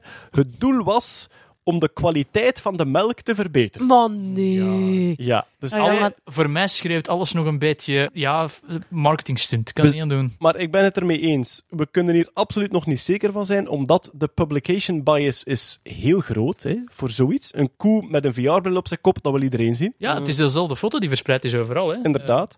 Maar het kwam dus vanuit Russische melkveehouderijvereniging en die heet Rusmolok. Rusmolok, want het Russisch voor melk is Molok. Moloko. Rus. Moloko.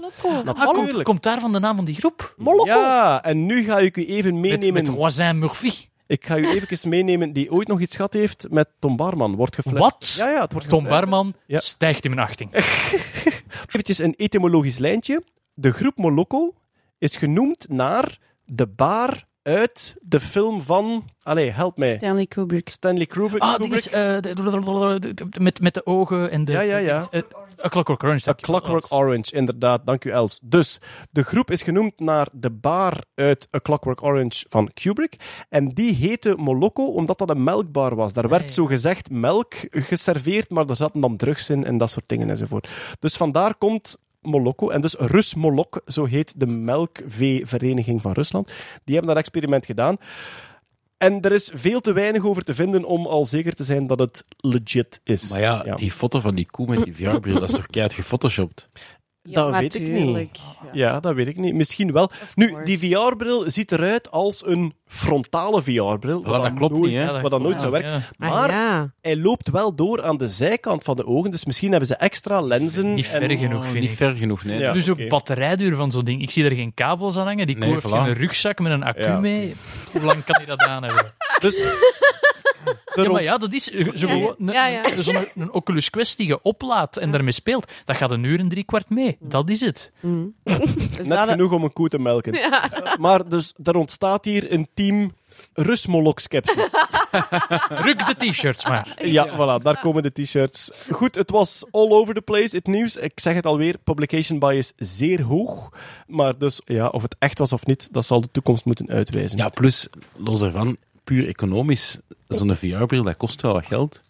Hoeveel melk moet je extra Voilà. geven? Omdat, ja, oké, ja. It's all about the money, hè. Ik bedoel, Ja, sowieso. Het is een economisch verhaaltje. Hè. We gaan over naar een ander zoogdier, namelijk de everzwijnen. Waar zijn de everzwijnen in geslaagd? In The War on Drugs. Stefanie, dit heeft een beetje misdaadinzicht. Want het is ontdekt door speurders die in Siena, Italië, de moord op een Albanees aan het onderzoeken waren. Die Albanees is dood, Stefanie. Ah, een link. Maar daar gaat het eigenlijk totaal niet over. Want in een afgeluisterd telefoongesprek hoorden de speurders hoe een van de verdachten van die moord vertelde dat de everzwijnen echt lelijk hadden huisgehouden in een verborgen opslagplaats in een bos. Wat deed die bende dus? Die begroef cocaïne in kleine containertjes onder de grond. En als er één ding is waar dat everzwijnen goed in zijn, dan is het vroeten in de grond. Die everzwijnen hadden voor meer dan 20.000 euro aan cocaïne kapot gemaakt. En het grappige is, in die telefoongesprekken, die misdadigers weten dat ze afgeluisterd worden, of zijn er altijd op hun hoede voor. Ze gebruikten het woord cocaïne of drugs niet, ze gebruikten aperitief. Prosecco, wijn, koffie en snack. Dus de everzwijnen hebben 20.000 euro aan Prosecco kapot gemaakt in de bos. En die zijn dan vervolgens compleet paranoia door dat bos beginnen lopen. Moet en, toch en de max zijn zien. everzwijnen die 20.000 euro cocaïne in hun botten hebben. Ik ben het beste everzwijn ter wereld. Ik vind alle truffels in een straal van 20 kilometer. Zeg, schatje, wat komt die ga hier doen? hey, Tom Barman is terug. Oké, voor- puur legaal gezien, Tom Barman is geen everzwijn op cocaïne. Dat wil ik. Nee, Ons legaal team is niet sterk hij- genoeg om dat te beweren. omdat er geen everzwijn is. Dat is waar. Ehm, goed. ehm, ja, dat was het dierennieuws. We gaan over naar de lagere regionen van het menselijk lichaam. Er was medische onmin over het bouwen van een opblaasbare reuzenprostaat. dus er was een soort demostand. Het zag eruit als een springkasteel. Stefanie, Ja. het, was, het was een soort opblaasbare stand met een gigantische anus. En dus mensen die graag wilden bijleren over de positie van de prostaat, die konden binnenwandelen door de springkasteel Anor. En dan op zoek gaan naar de prostaat. Maar het was een educatief project, eh Het was in het kader van een soort sensibilisatieactie. Dus die gigantische opblaasbare prostaat stond Ja, sorry. ik kan- ja, het is toch moeilijk om dat uit te elke spreken zonder... brainstorm daarover. Ja, elke brainstorm, ja, die moesten gefilmd zijn, ja, inderdaad. Het staat in Sint-Jan van Brugge. En het gaat dus over een, inderdaad een sensibilisatieactie. En eigenlijk eh, om mensen aan te sporen om zich te laten screenen op prostaatkanker. Het is te zeggen mensen met een prostaat. Die soort. Ja, ja. En dat is in verkeerde aarde gevallen, omdat... We hebben daar vorige maand al over gehad, over het gevaar van overscreeningen. En blijkbaar, als het gaat over prostaatkanker, is dat helemaal het geval. De Vlaamse regering heeft al vier jaar geleden beslist om niet meer te screenen op prostaatkanker, omdat daar eigenlijk geen voordeel uit te halen is. Je kunt met een hele simpele bloedtest kunt je die tumoren opsporen, maar er is een groot verschil tussen agressieve tumoren die heel snel ontwikkelen en minder agressieve tumoren die eigenlijk bijna geen, ja, ik zal niet zeggen geen behandeling nodig hebben, maar waarbij het niet nodig is om te gaan opereren of heel agressieve therapieën te gaan doen. Maar er is ooit een studie naar geweest, en ik kijk natuurlijk naar Hetty, kankeronderzoeker hier bij ons. Er is ooit een studie geweest, denk ik, dat als je van overleden personen, op gelijk welke manier dat ze overleden waren, als je het volledige uraalsysteem van de mens, dus de piemel en de prostaat en gelijk wat, als je dat gaat onderzoeken, dat daar bijna altijd pretumoren in zitten. Vandaar ook de boetade, er sterven meer mannen met prostaatkanker dan door prostaatkanker. Ah, natuurlijk. Ja, ja. Dus pretumoren die door het lichaam zelf opgeremd worden, Onder andere. maar ja. die wel detecteerbaar Ja, zijn. of die ook zeer traag ontwikkelen en eigenlijk nooit in de loop van het leven enige schade zouden aanrichten. De vraag is natuurlijk, vanaf het moment dat je dat dan inderdaad screent en detecteert, mensen weten dat er een tumor in hun lijf zit, ook al zeg je aan hen niet verwijderen, hè, dat gaat traag groeien. Die Ja. psychologische druk blijft daar vaak wel. Heel vaak wordt er wel over behandeld met complicaties tot gevolg. Dus inderdaad, te veel screenen is inderdaad niet goed. En dus het was een sensibiliseringscampagne, maar ze heeft tegenwind gekregen van misschien promoot je overscreening. Ja, ik moet daar ook bij zeggen, ik heb gelezen dat het een actie was die gesponsord was door Janssen Pharmaceutica. Dus Oeh. ja, daar ga je daar ook weer vragen bij stellen. Maar er waren echt wel een aantal... ja. Ja, voilà, er waren echt wel een aantal artsen kwaad en die zeiden van sorry, maar dit is niet de wetenschappelijke consensus, dit gaan we niet doen. Wat de typische screening is met die PSA, hè, prostaatspecifiek antigen, als dat verhoogd is in uw bloed. Maar dat kan ook verhoogd zijn, onder andere als je geen kanker hebt door eh, ontsteking van de prostaat enzovoort. Ja. Die mensen stuurt je ook naar biopsie, hè, om een stuk van die prostaat te laten wegnemen. Maar dat heeft dan inderdaad vaak tot gevolg incontinent, impotent enzovoort. Dat is ook een beetje de contra-intuïtieve statistiek van false positives Ja. en false negatives. Als je zegt van voilà. kijk, je doet een test en hij is 99% accuraat. Oké, als die kanker maar voorkomt bij 1 op 1000, wil dat zeggen van die 1 op 1000 ga je er 1 op 100 missen. Maar van die 999 andere gaan er eigenlijk 9 Ja. vals positief zijn. Ja. Dus waardoor dat je, als je een positieve test hebt, nog altijd meer kans hebt Om dat je het niet te hebt, hebben. Ja. dan dat je het wel Ja. hebt. Afhankelijk van hoeveel dat voorkomt in de bevolking. Ja. Ja.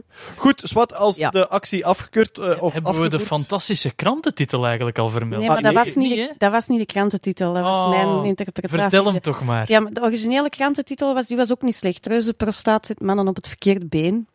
Oké. Ja, ik zie wat dat ze proberen, maar nee. En ik heb daarvan gemaakt, reuze prostaat maakt artsen kwaad. Oh, vind ik reuze. Want ik kan rijmen en dichten zonder mijn prostaat Wel. op te liggen. Er is, er is een paar jaar geleden iemand die mij gezegd heeft, na een operatie van de prostaat, was zijn seks biologisch geworden. Ik zeg, hè? Wat? Ja, zegt hem, veel schoffelen en niet meer spuiten. Oh, kijk eens aan. Bioseks. Bioseks. Ja, Oké, ja. Bedankt. Visueel. Goed, eh, stel dat die actie afgevoerd wordt, dan houden ze toch een heel origineel springkasteel over. Voor kinderfeestjes all over the We willen country. niemand met de vinger wijzen, zeker niet met die vinger. Ja, om in dezelfde regionen te blijven. De eerste piemeltransplantatie is uitgevoerd. Hemeltje lief, hoe verloopt een piemeltransplantatie? Ik ga u al direct corrigeren. Dank u. Het is het, niet de eerste piemeltransplantatie, maar de eerste keer dat een piemel met scrotum wordt getransplanteerd. Het volledige obscene tekeningetje in één keer eigenlijk, ja. Ja, het is echt een waanzinnig succesverhaal. Dus probeert uw mopjes even in te houden, oké? Want het gaat hier over... Het gaat, ja, Kurt, even. Het gaat hier over een Amerikaanse soldaat. Die zat in Afghanistan, die is op een bom getrapt en die is eigenlijk de onderkant van zijn lichaam kwijtgeraakt. Dus alles onder zijn navel was zo goed als weg. Benen verbrijzeld. Eh, ja, ja, piemel, testikels, Alles alles, alles, alles weg. Ja. Ik wist echt 15 seconden, Baart. 15 Ik ga, ik ga seconden. Porsche over mijn mond houden. We gaan even Hetty tijd geven, want die is aan het hyperventileren. Het klinkt nog beter als je niet durft lachen. Hetty, als je het zo ja, Niet probeert te dempen in je Alles handen. naar de Ja, zak, ja. oké, ja. Oké, dus ja, die kerel heeft natuurlijk protheses gekregen voor zijn benen. En er waren al piemeltransplantaties, maar niet in deze mate. Deze mensen is echt alles kwijtgespeeld. Er waren al mensen die zo een stukje piemel waren kwijtgespeeld en dan kun je dan zo met huidtransplantatie kun je daar wel iets mee doen. Maar in dit geval was echt alles, alles weg. Dus dan is er een of andere moedige of baldadige chirurg geweest. Nu deze was volledig. Ja, je zegt bal. Je zegt bal. Ga verder. Je zegt bal. Ga vooral verder, Stefan. Moedige. Let Moedige niet op- Hij was moedig. Hij was heel Was moedig. moedig. Heel moedig. Ga door. Ik had die er echt niet zien aankomen.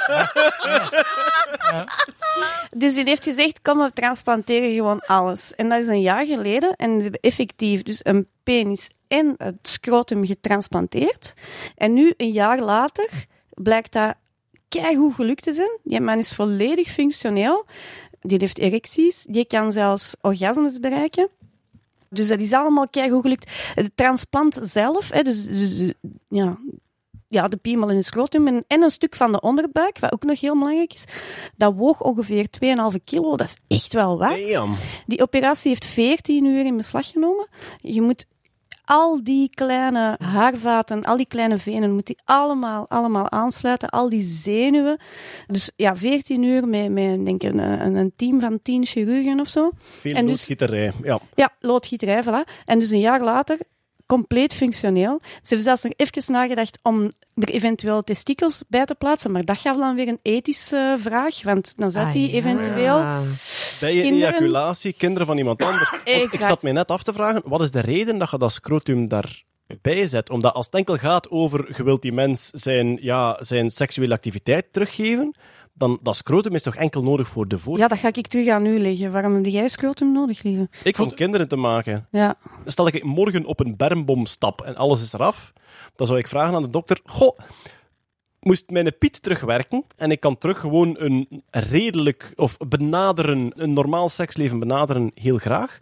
Maar ik hoef daar geen testikels bij te hebben als ik geen kinderen meer wil maken. wilt je het zakje erbij? Ik weet dat niet. Ik weet dat niet. Is dat esthetisch nodig voor Misschien, mij? zou dat, niet, maar- misschien, ja, ik, misschien is het een esthetisch ding. Weet je, er zijn gigantisch veel soldaten die in oorlogsgebieden terugkomen met, ja, met beschadigde eh, geslachtsdelen. Is het echt, ja? Ja, natuurlijk. Je stapt op een bom. Ja, Ja, ja, ja. Dat is, ja.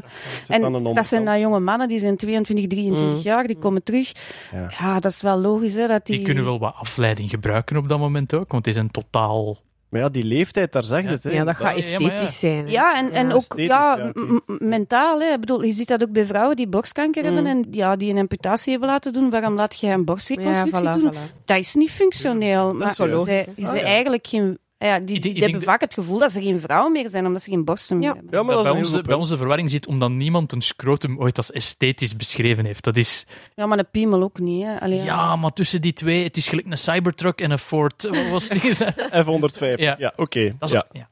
Nee, maar ja, goed. De esthetiek van de Piet en de ballen, daar gaan we een keer een andere podcast over moeten Maar houden. laat ons even benadrukken wat er knap. van is. Dit is een ongelofelijke transplantatie. Ja, dat, dat je dat allemaal aangesloten Ja. krijgt, Ja. zowel bloedvaten als zenuwvaten, Ja. dat, is, dat is inderdaad ongelooflijk. Ja. Prachtig. Maar, Goed. en, en wie is dan de donor of zo? Is dat je gewoon je, je- je lichaam... Een overleden. En over Ja, Ah, ja, ja, het is niet van een eunuch of zo, dat ze denken. Nee.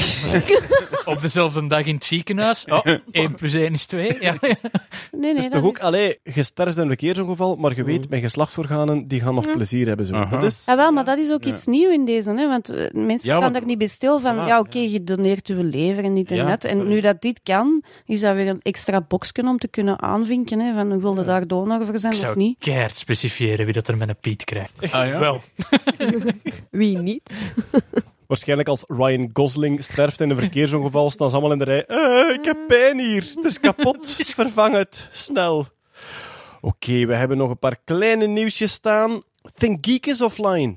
Had iemand dat opgemerkt? Ja, die zijn overgekocht geweest en dan gesloten. Ja, dus even om te duiden. Think Geek was een fantastische winkel voor geek gadgets, kleren, t-shirts enzovoort. Ik heb daar geweldig veel onzin gekocht. 90% van uw kleerkast komt uit die winkel. Maar echt- Die zijn failliet gegaan omdat je daar een tijd niet naartoe gestuurd Ja, maar dat zou bijna kunnen. Die had toch fantastische gadgets en t-shirts met geeky spreuken op. Die hadden ook elk jaar een aprilgrap. Dus elk jaar zetten die een artikel in de catalogus, waarvan dat mensen wel dachten van, oh, hebben, hebben, hebben. En de regel was, als genoeg mensen het willen, maken we het echt. En dus ze hebben ooit een soort arcade game gemaakt. Dus zo'n typisch kastje dat je vroeger in de Lunaparken had, waar dat je een iPad kon inschuiven.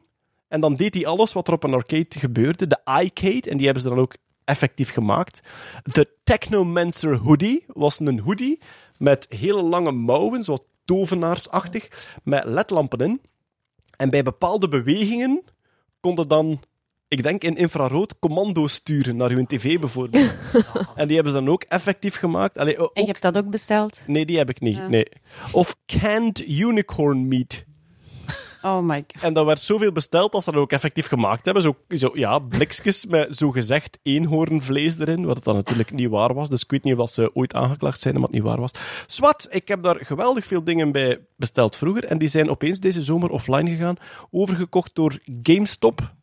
GameStop is een soort website voor typische gaming gear. Maar ze zijn nu, en ik snap niet waarom, overgeschakeld op fysieke winkels. Dus. Think Geek is begonnen met in shoppingmalls in Amerika fysieke winkels te openen. Ik denk in Duitsland zijn er ook een paar. En dus de online is opgedoekt. En dus enkel in die fysieke winkels kun je die dingen nog kopen. Ik vond het heel gek. Ja. Ik snap het ook niet. Wat hebben we nog staan? Ah ja, we hebben het al vaak gehad over de politie en hoe die geen databanken mag gebruiken. Daar was heel veel over te doen van mogen ze dat nu of niet. De Golden State Killer is ooit opgepakt door een onderzoek op JEDmatch, een van die gene databases. Ik heb onlangs voor de marathon-editie van mijn DNA-show, die uiteindelijk vier uur geduurd heeft, Fantastisch was. Oh, het was, het, het, Ja. het, het was niet alleen fantastisch om te doen, het was ook heerlijk om heel die community samen te hebben. Ja. Al die mensen die dat allemaal wilden weten. Het nodigt uit tot meer Nerdland-events. Yes. Eigenlijk. Voilà.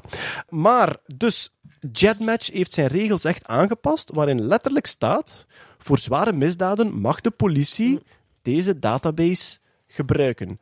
En er is nu ook iets nieuw gestemd, want ja, dat gaat enkel over de policy van Jetmatch. Er is nu ook een officiële regel ingevoerd, Stefanie, over wat de politie wel en niet mag doen met die gene databases, geloof ik. Ik ga je weer moeten corrigeren. De regels heb ik zwart op wit Ja. gelezen. En in de regels van Jetmatch staat Ja. zwart op wit. Voor zware misdaden mag de politie onze database gebruiken. Ja, Wat hun eigen regels zijn, weet ik niet van de politie, maar Ja. dat staat op de Jetmatch. Ja, maar dus inderdaad, die Golden State Killer, daar hebben we het al over gehad. Ja. Hè? Dus die is gevat dankzij onderzoek binnen die database. En dan heeft Jetmatch gezegd, oké, we gaan onze policy veranderen in die zin dat we heel duidelijk zeggen dat niemand die data mag opvragen. Mhm. Tenzij natuurlijk in heel uitzonderlijke gevallen. Ja.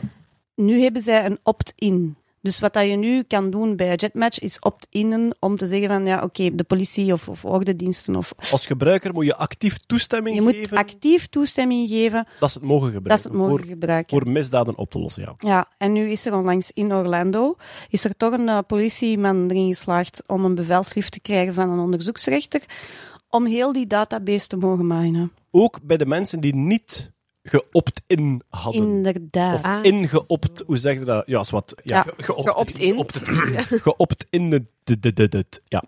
Dit jaar bij de grote taalquiz.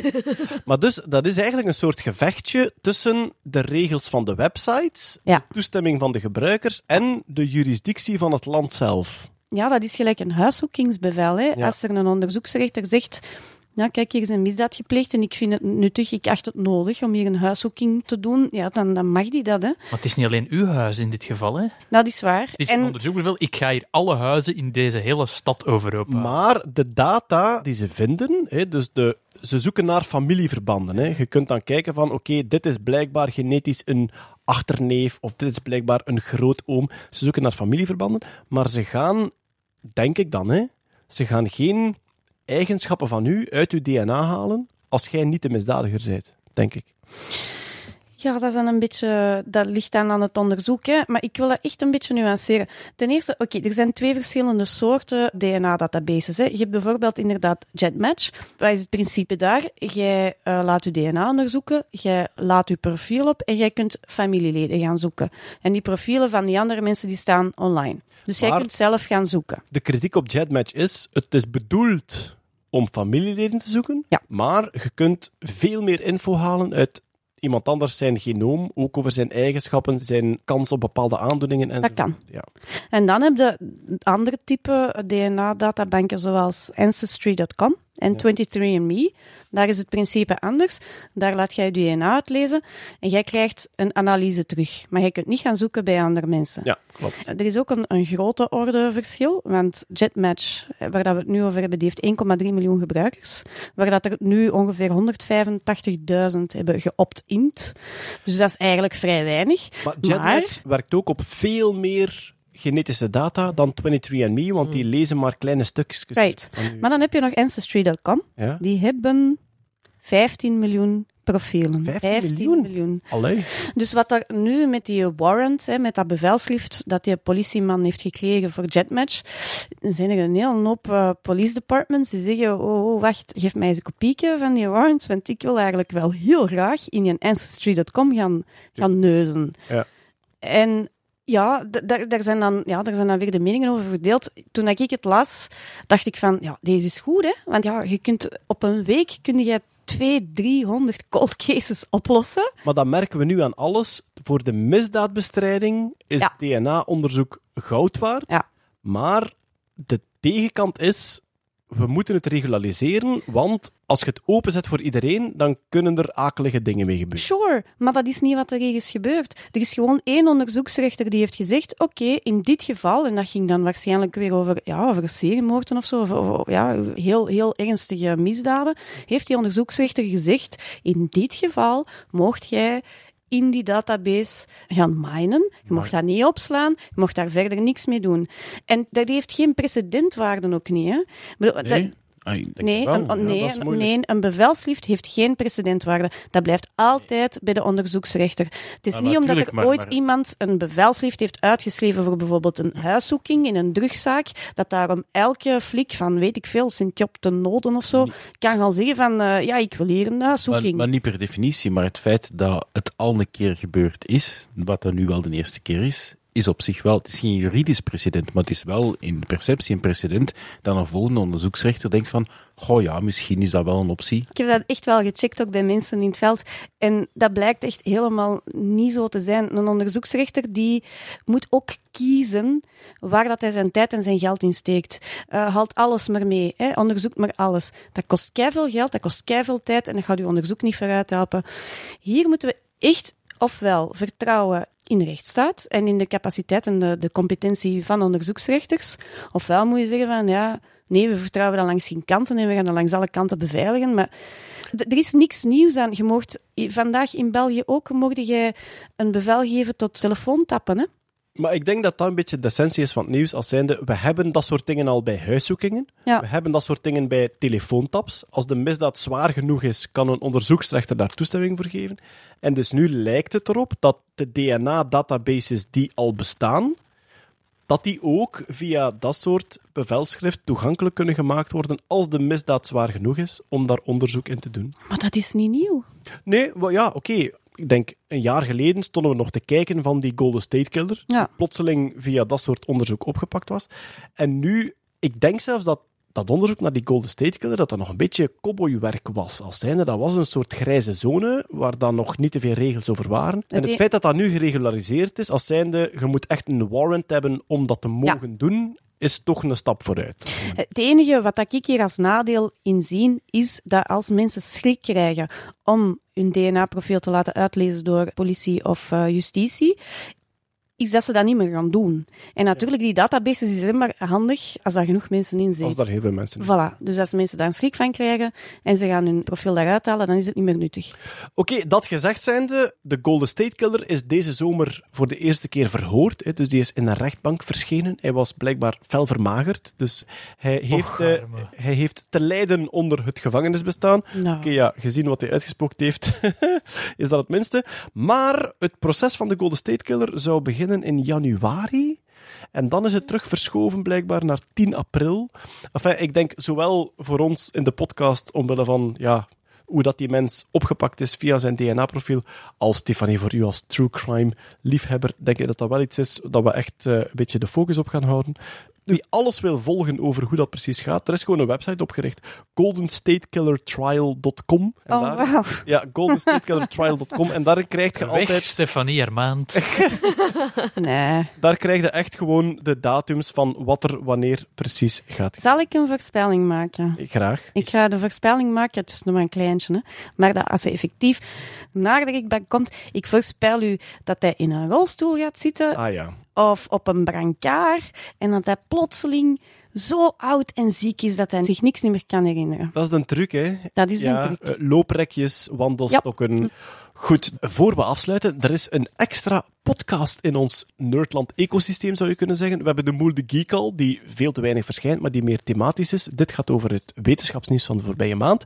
En Kurt, jij hebt samen met Maarten Wijn, Maarten Wijn, ja. ook bekend van Team Scheire, hebben jullie een nieuwe podcast, die heet Maker Talks. Ja, voilà. En die richt zich echt op de makers. Dus wat doen jullie? Met wie gaan jullie praten? We gaan praten met makers in het algemeen. Wij eigenlijk een beetje interviewen van wie zijn ze, wat doen ze en zo verder. En op die manier eigenlijk een beetje ook de definitie zoeken van wat is nu een maker, omdat dat eigenlijk een nieuw soort ding is. En iedereen geeft daar een andere invulling en dat is keigoed. En we proberen daar eigenlijk alle exploiten en alle vaarwaters te doorgronden. allerlei mensen die dingen bouwen in hun garage, in een fablab, ja. een beetje overal. Henk Rijkaard zit er al in en Sebastian ook. Sebastian gaat de tweede zijn. Ja, voilà, die komt in deze dagen, afhankelijk van wanneer deze online komt en wanneer de andere online komt, komt die ook. Sebastian heeft bijvoorbeeld meegewerkt aan de nieuwe TikTok. Dat vind ik een prachtig verhaal. De nieuwe TikTok zit vol met Ambachtelijke, kleine... nerdy Daar zitten- daar makerprojecten. Daar zitten servo's Cool. in, daar zitten Arduino's in, daar zitten lasercut designs in, daar zitten macrolenzen in. Dat is een hele mooie mix tussen langs de ene kant animatie op een computer, maar langs de andere kant ook heel veel handcrafted. Dus eigenlijk kunnen we zeggen, nerds brought TikTok back. Voilà. Dat is eigenlijk wat er gebeurd is. En dus mensen die dat willen vinden, die kunnen gewoon googlen op Maker Talks of Maker, Maker Talks Talk, ja. Nerdland Ja, voilà. in de podcast-app. Staat in Spotify, staat in iTunes ondertussen. Toch nog op de valreep eventjes lieven vanuit de montage, want wij staan met Team Scheire op de warmste week in Kortrijk. Dit weekend, 20, 21, 22 december, zitten wij in het Boedalab in Kortrijk, een eh, makerspace daar. En wij gaan daar een beetje mini Team Scheire houden. Dus wij gaan ook kleine uitvindingen bouwen voor mensen met een vraag, mensen die geholpen willen worden door een apparaat of door software. Ehm, je kan dat ook komen bezoeken. Het hele programma vind je ongetwijfeld online, simpelweg door te googlen op warmste week Team. Er komen ook enkele workshops en lezingen, dus zeer welkom daar. En verder is mijn volledige tournee met de DNA-show uitverkocht. Dank u wel voor iedereen die een ticketje heeft. En daarom komen er vijf extra voorstellingen. We hebben extra voorstellingen in Oostende, Gent, Antwerpen, Leuven en Genk. En die gaan nu in verkoop. Dus als je er nog bij wil zijn, is dit waarschijnlijk de laatste kans. Alle info uiteraard op www.lievenscheire.be. Alright, daarmee hebben we alles gehad voor deze keer. Ik dank eh, Peter Berks, Dag. uh, Hetty Helsmoortel, Met veel plezier. Kurt Beheij, Yay. Stefanie Dugene, Bye. Jeroen Baert, Lelijke auto. de prachtige hond Poncho. En natuurlijk niet alleen aan de knoppen, maar ook nog eens eigenares van het landgoed als arts. Graag tot volgende keer. Bye.